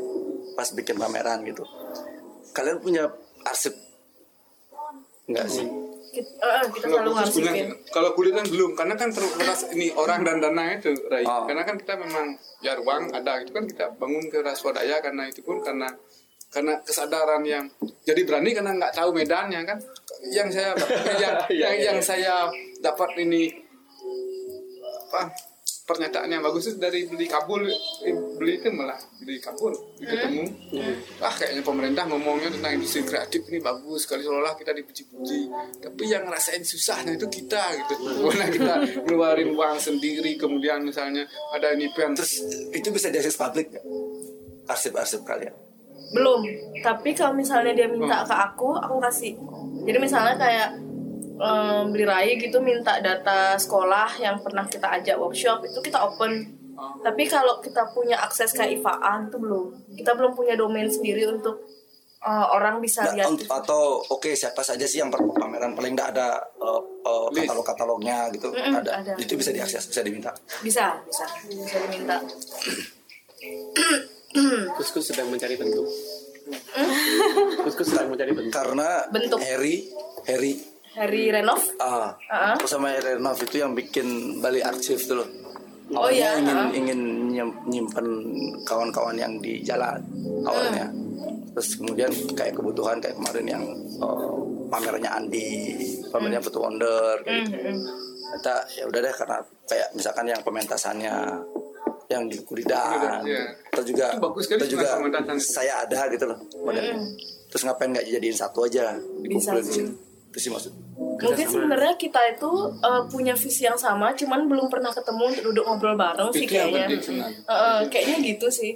Misalnya Bali ini jenis sebenarnya Bali ini kecil Iya, kan? Mungkin cuman kita punya kesibukan sendiri. Terus kalau nggak diniatin ketemu gitu nggak ketemu dah biasanya gitu. diinisiasi. Ya memang ya, memang, memang sibuk memang gitu saudara. Ya, Bagaimana dengan Makassar? Apanya? scene-nya ini Tadi kita ngomongin Bali dan Jogja terus ya, ya. Makassar gimana? Ngomong apa ini? Bagaimana cerita berkesenian? komunitasnya komunitasnya Ya, Komunitasnya rame. Hmm. Terus bisa dibilang terhubung sebenarnya. Kalau saya dan teman-teman itu lebih ambil peran arsip.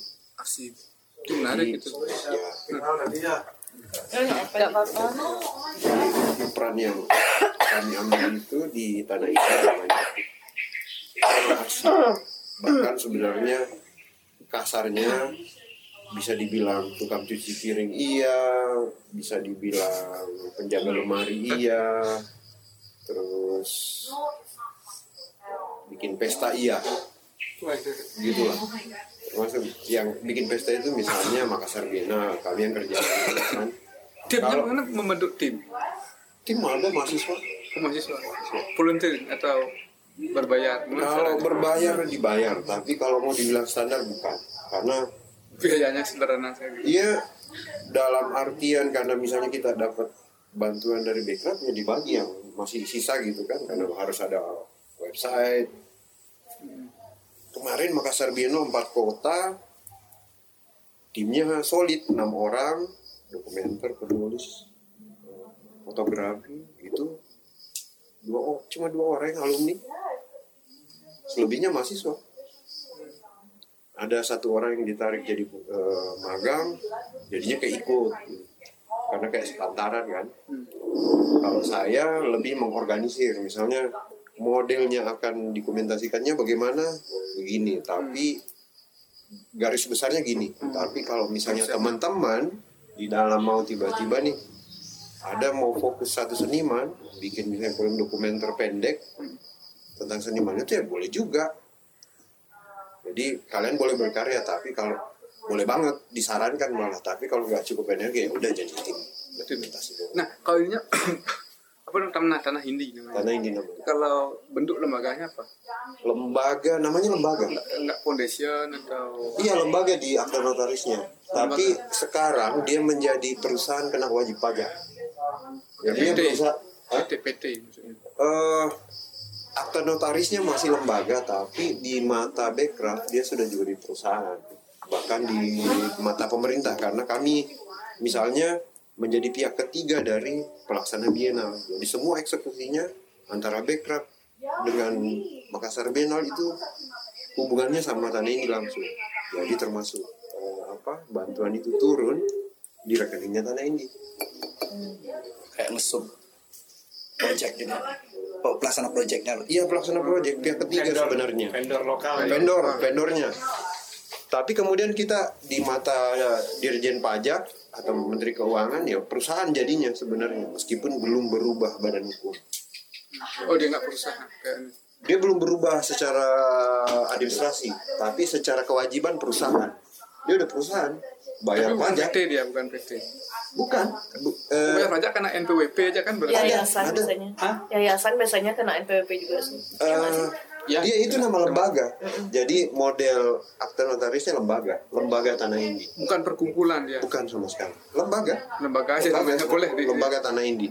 Oh, ada di di, di Ada, notaris secara ada. notaris bisa seperti itu. Tanah ini tuh waktu saya mahasiswa, Udah saya bikin sama teman-teman. Sudah 20 tahun loh. sejarahnya panjang banget ya. Tapi ya berubahnya misalnya sampai kesenian itu eh, 2006. Awalnya cuma penelitian-penelitian kota gitu. Ya metode jurnalisme warga segala macam pandangan orang biasa. Tapi kajian itu tetap kita pakai cara itu. Termasuk tadi arsip. Pernah kami diundang sebagai seniman. Kita bawa eh, di seni media 2018 Oh, yang di Pekanbaru. di Palu sebulan sebelum gempa.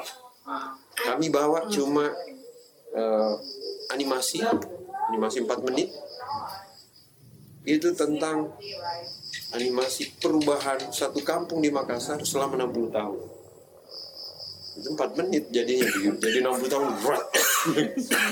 Dikasih begitu. Jadi model kayak pengarsipan sebenarnya. Jadi it- itu boleh dibilang prosesnya dua tahun setahun itu penelitian etnografi, penelitian wawancara, wawancara orang-orang di kampung. Tahun berikutnya dibikin model kontur tanah, tapi itu dari Google Maps. Berdasarkan Google Map ini dicocokkan sama data dari mahasiswa yang di- dimintai bantuan untuk ambil data di jurusannya ilmu tanah.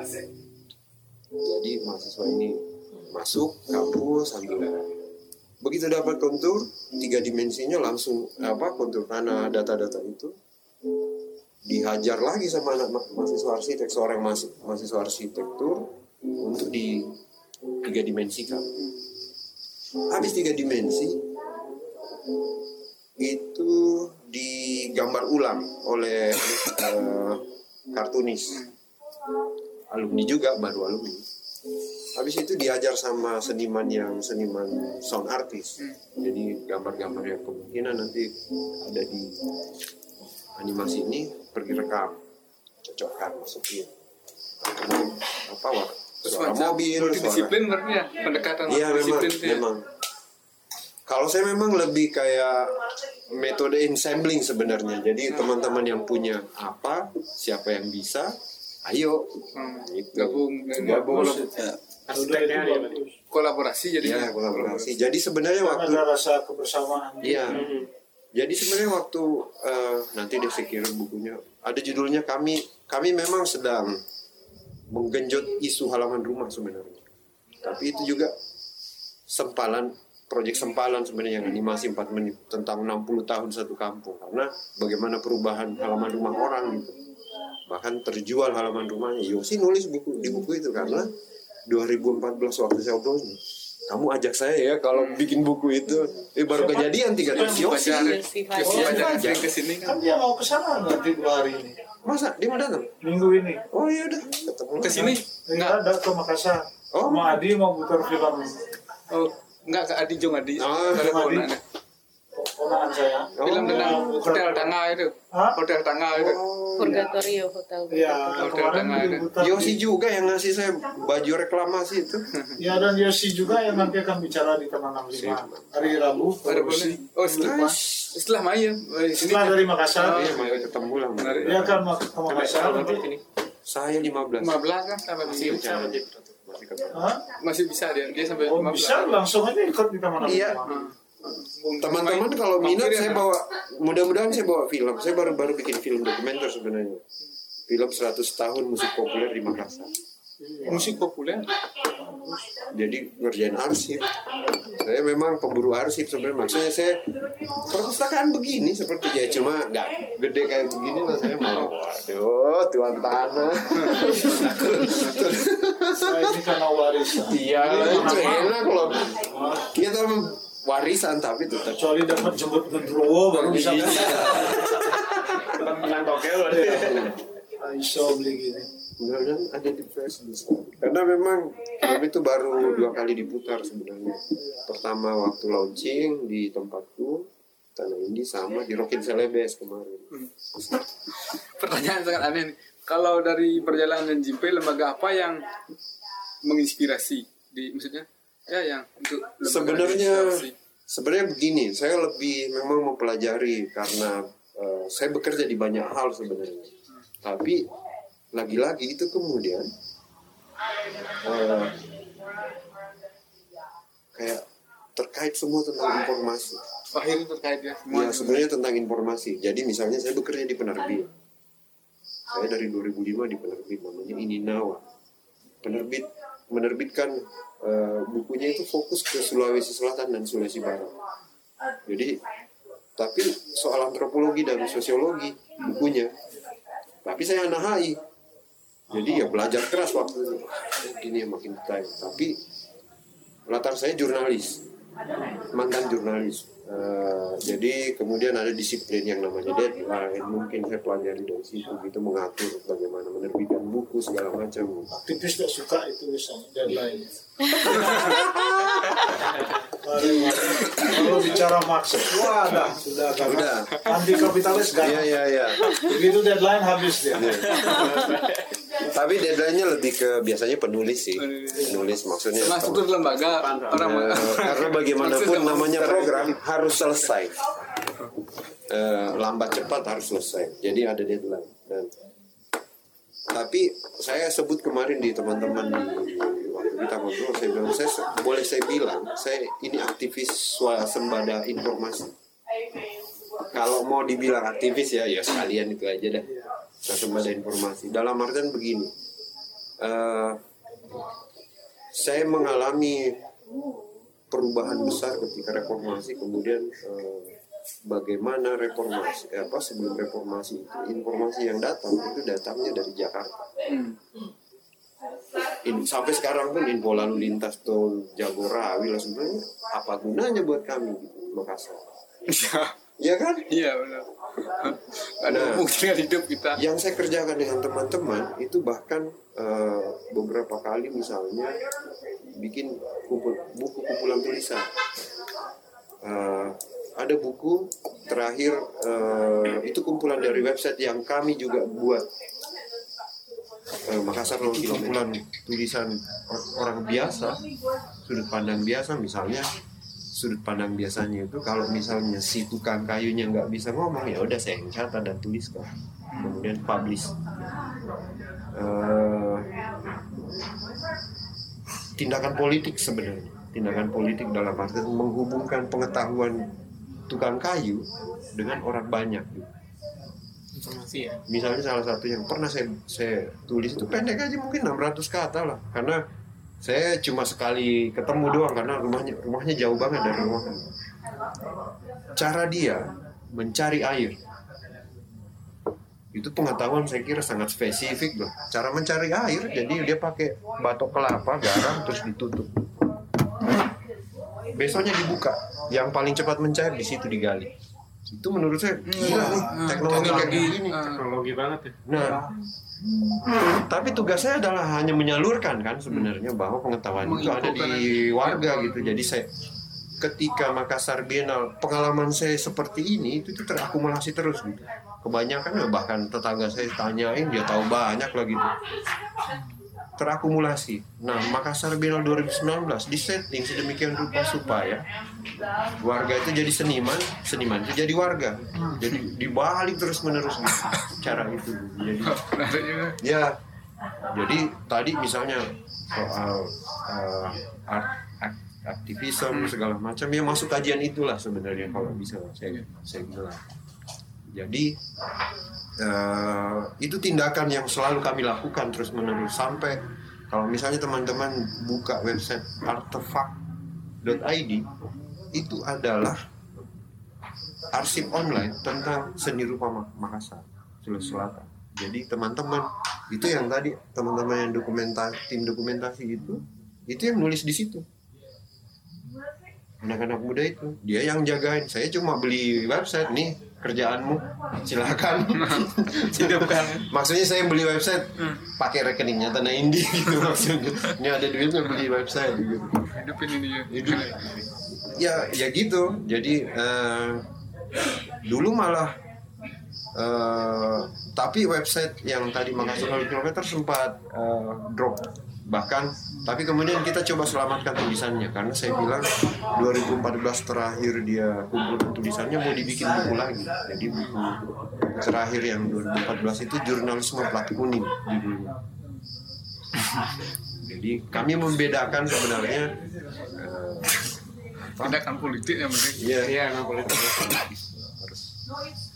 Kalau kalau kita tidak membuat perimbangan, kita akan terus menerus dihajar.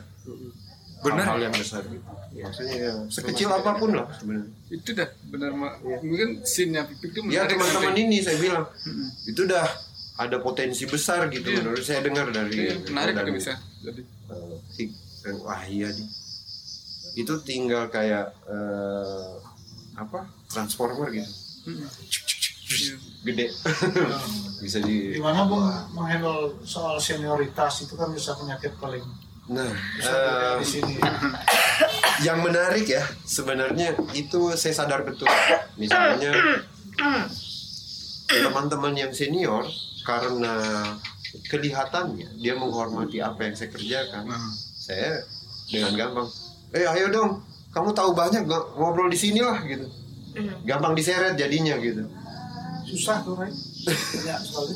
di sini ada Di sini kuat sekali senioritas. masih kuat Dan kalau sudah senioritas, sopan sekali kadang-kadang. tapi sebenarnya senior senior senior itu tinggal dikasih lihat kita kerjakan apa itu artinya kalau mereka udah lihat Pasti itu mau. gampang gampang di dipukul itu kan sebenarnya kritik kalau teman-teman udah bikin apa bisa nggak Jimpai ini kan aku lihat Jimpai kan sebagai seorang organizer lah Iya. dalam konteks itu terus dalam ini bisa nggak terlalu frontal? Karena kan frontal bisa banyak musuh modelnya kan. Nah, bagaimana eh, strateginya kalau di sana? Kan tentunya juga konteks warganya lah yang strateginya Jimpai bagaimana?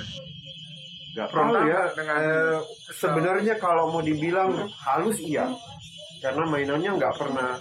Misalnya ya, misalnya nih, misalnya nih ada tulisan baru, yang bukan saya yang publish, ya kamu lah ya. Siapa kayak bantuin? Asal bukan yang penulis dan saya atau teman yang dekat.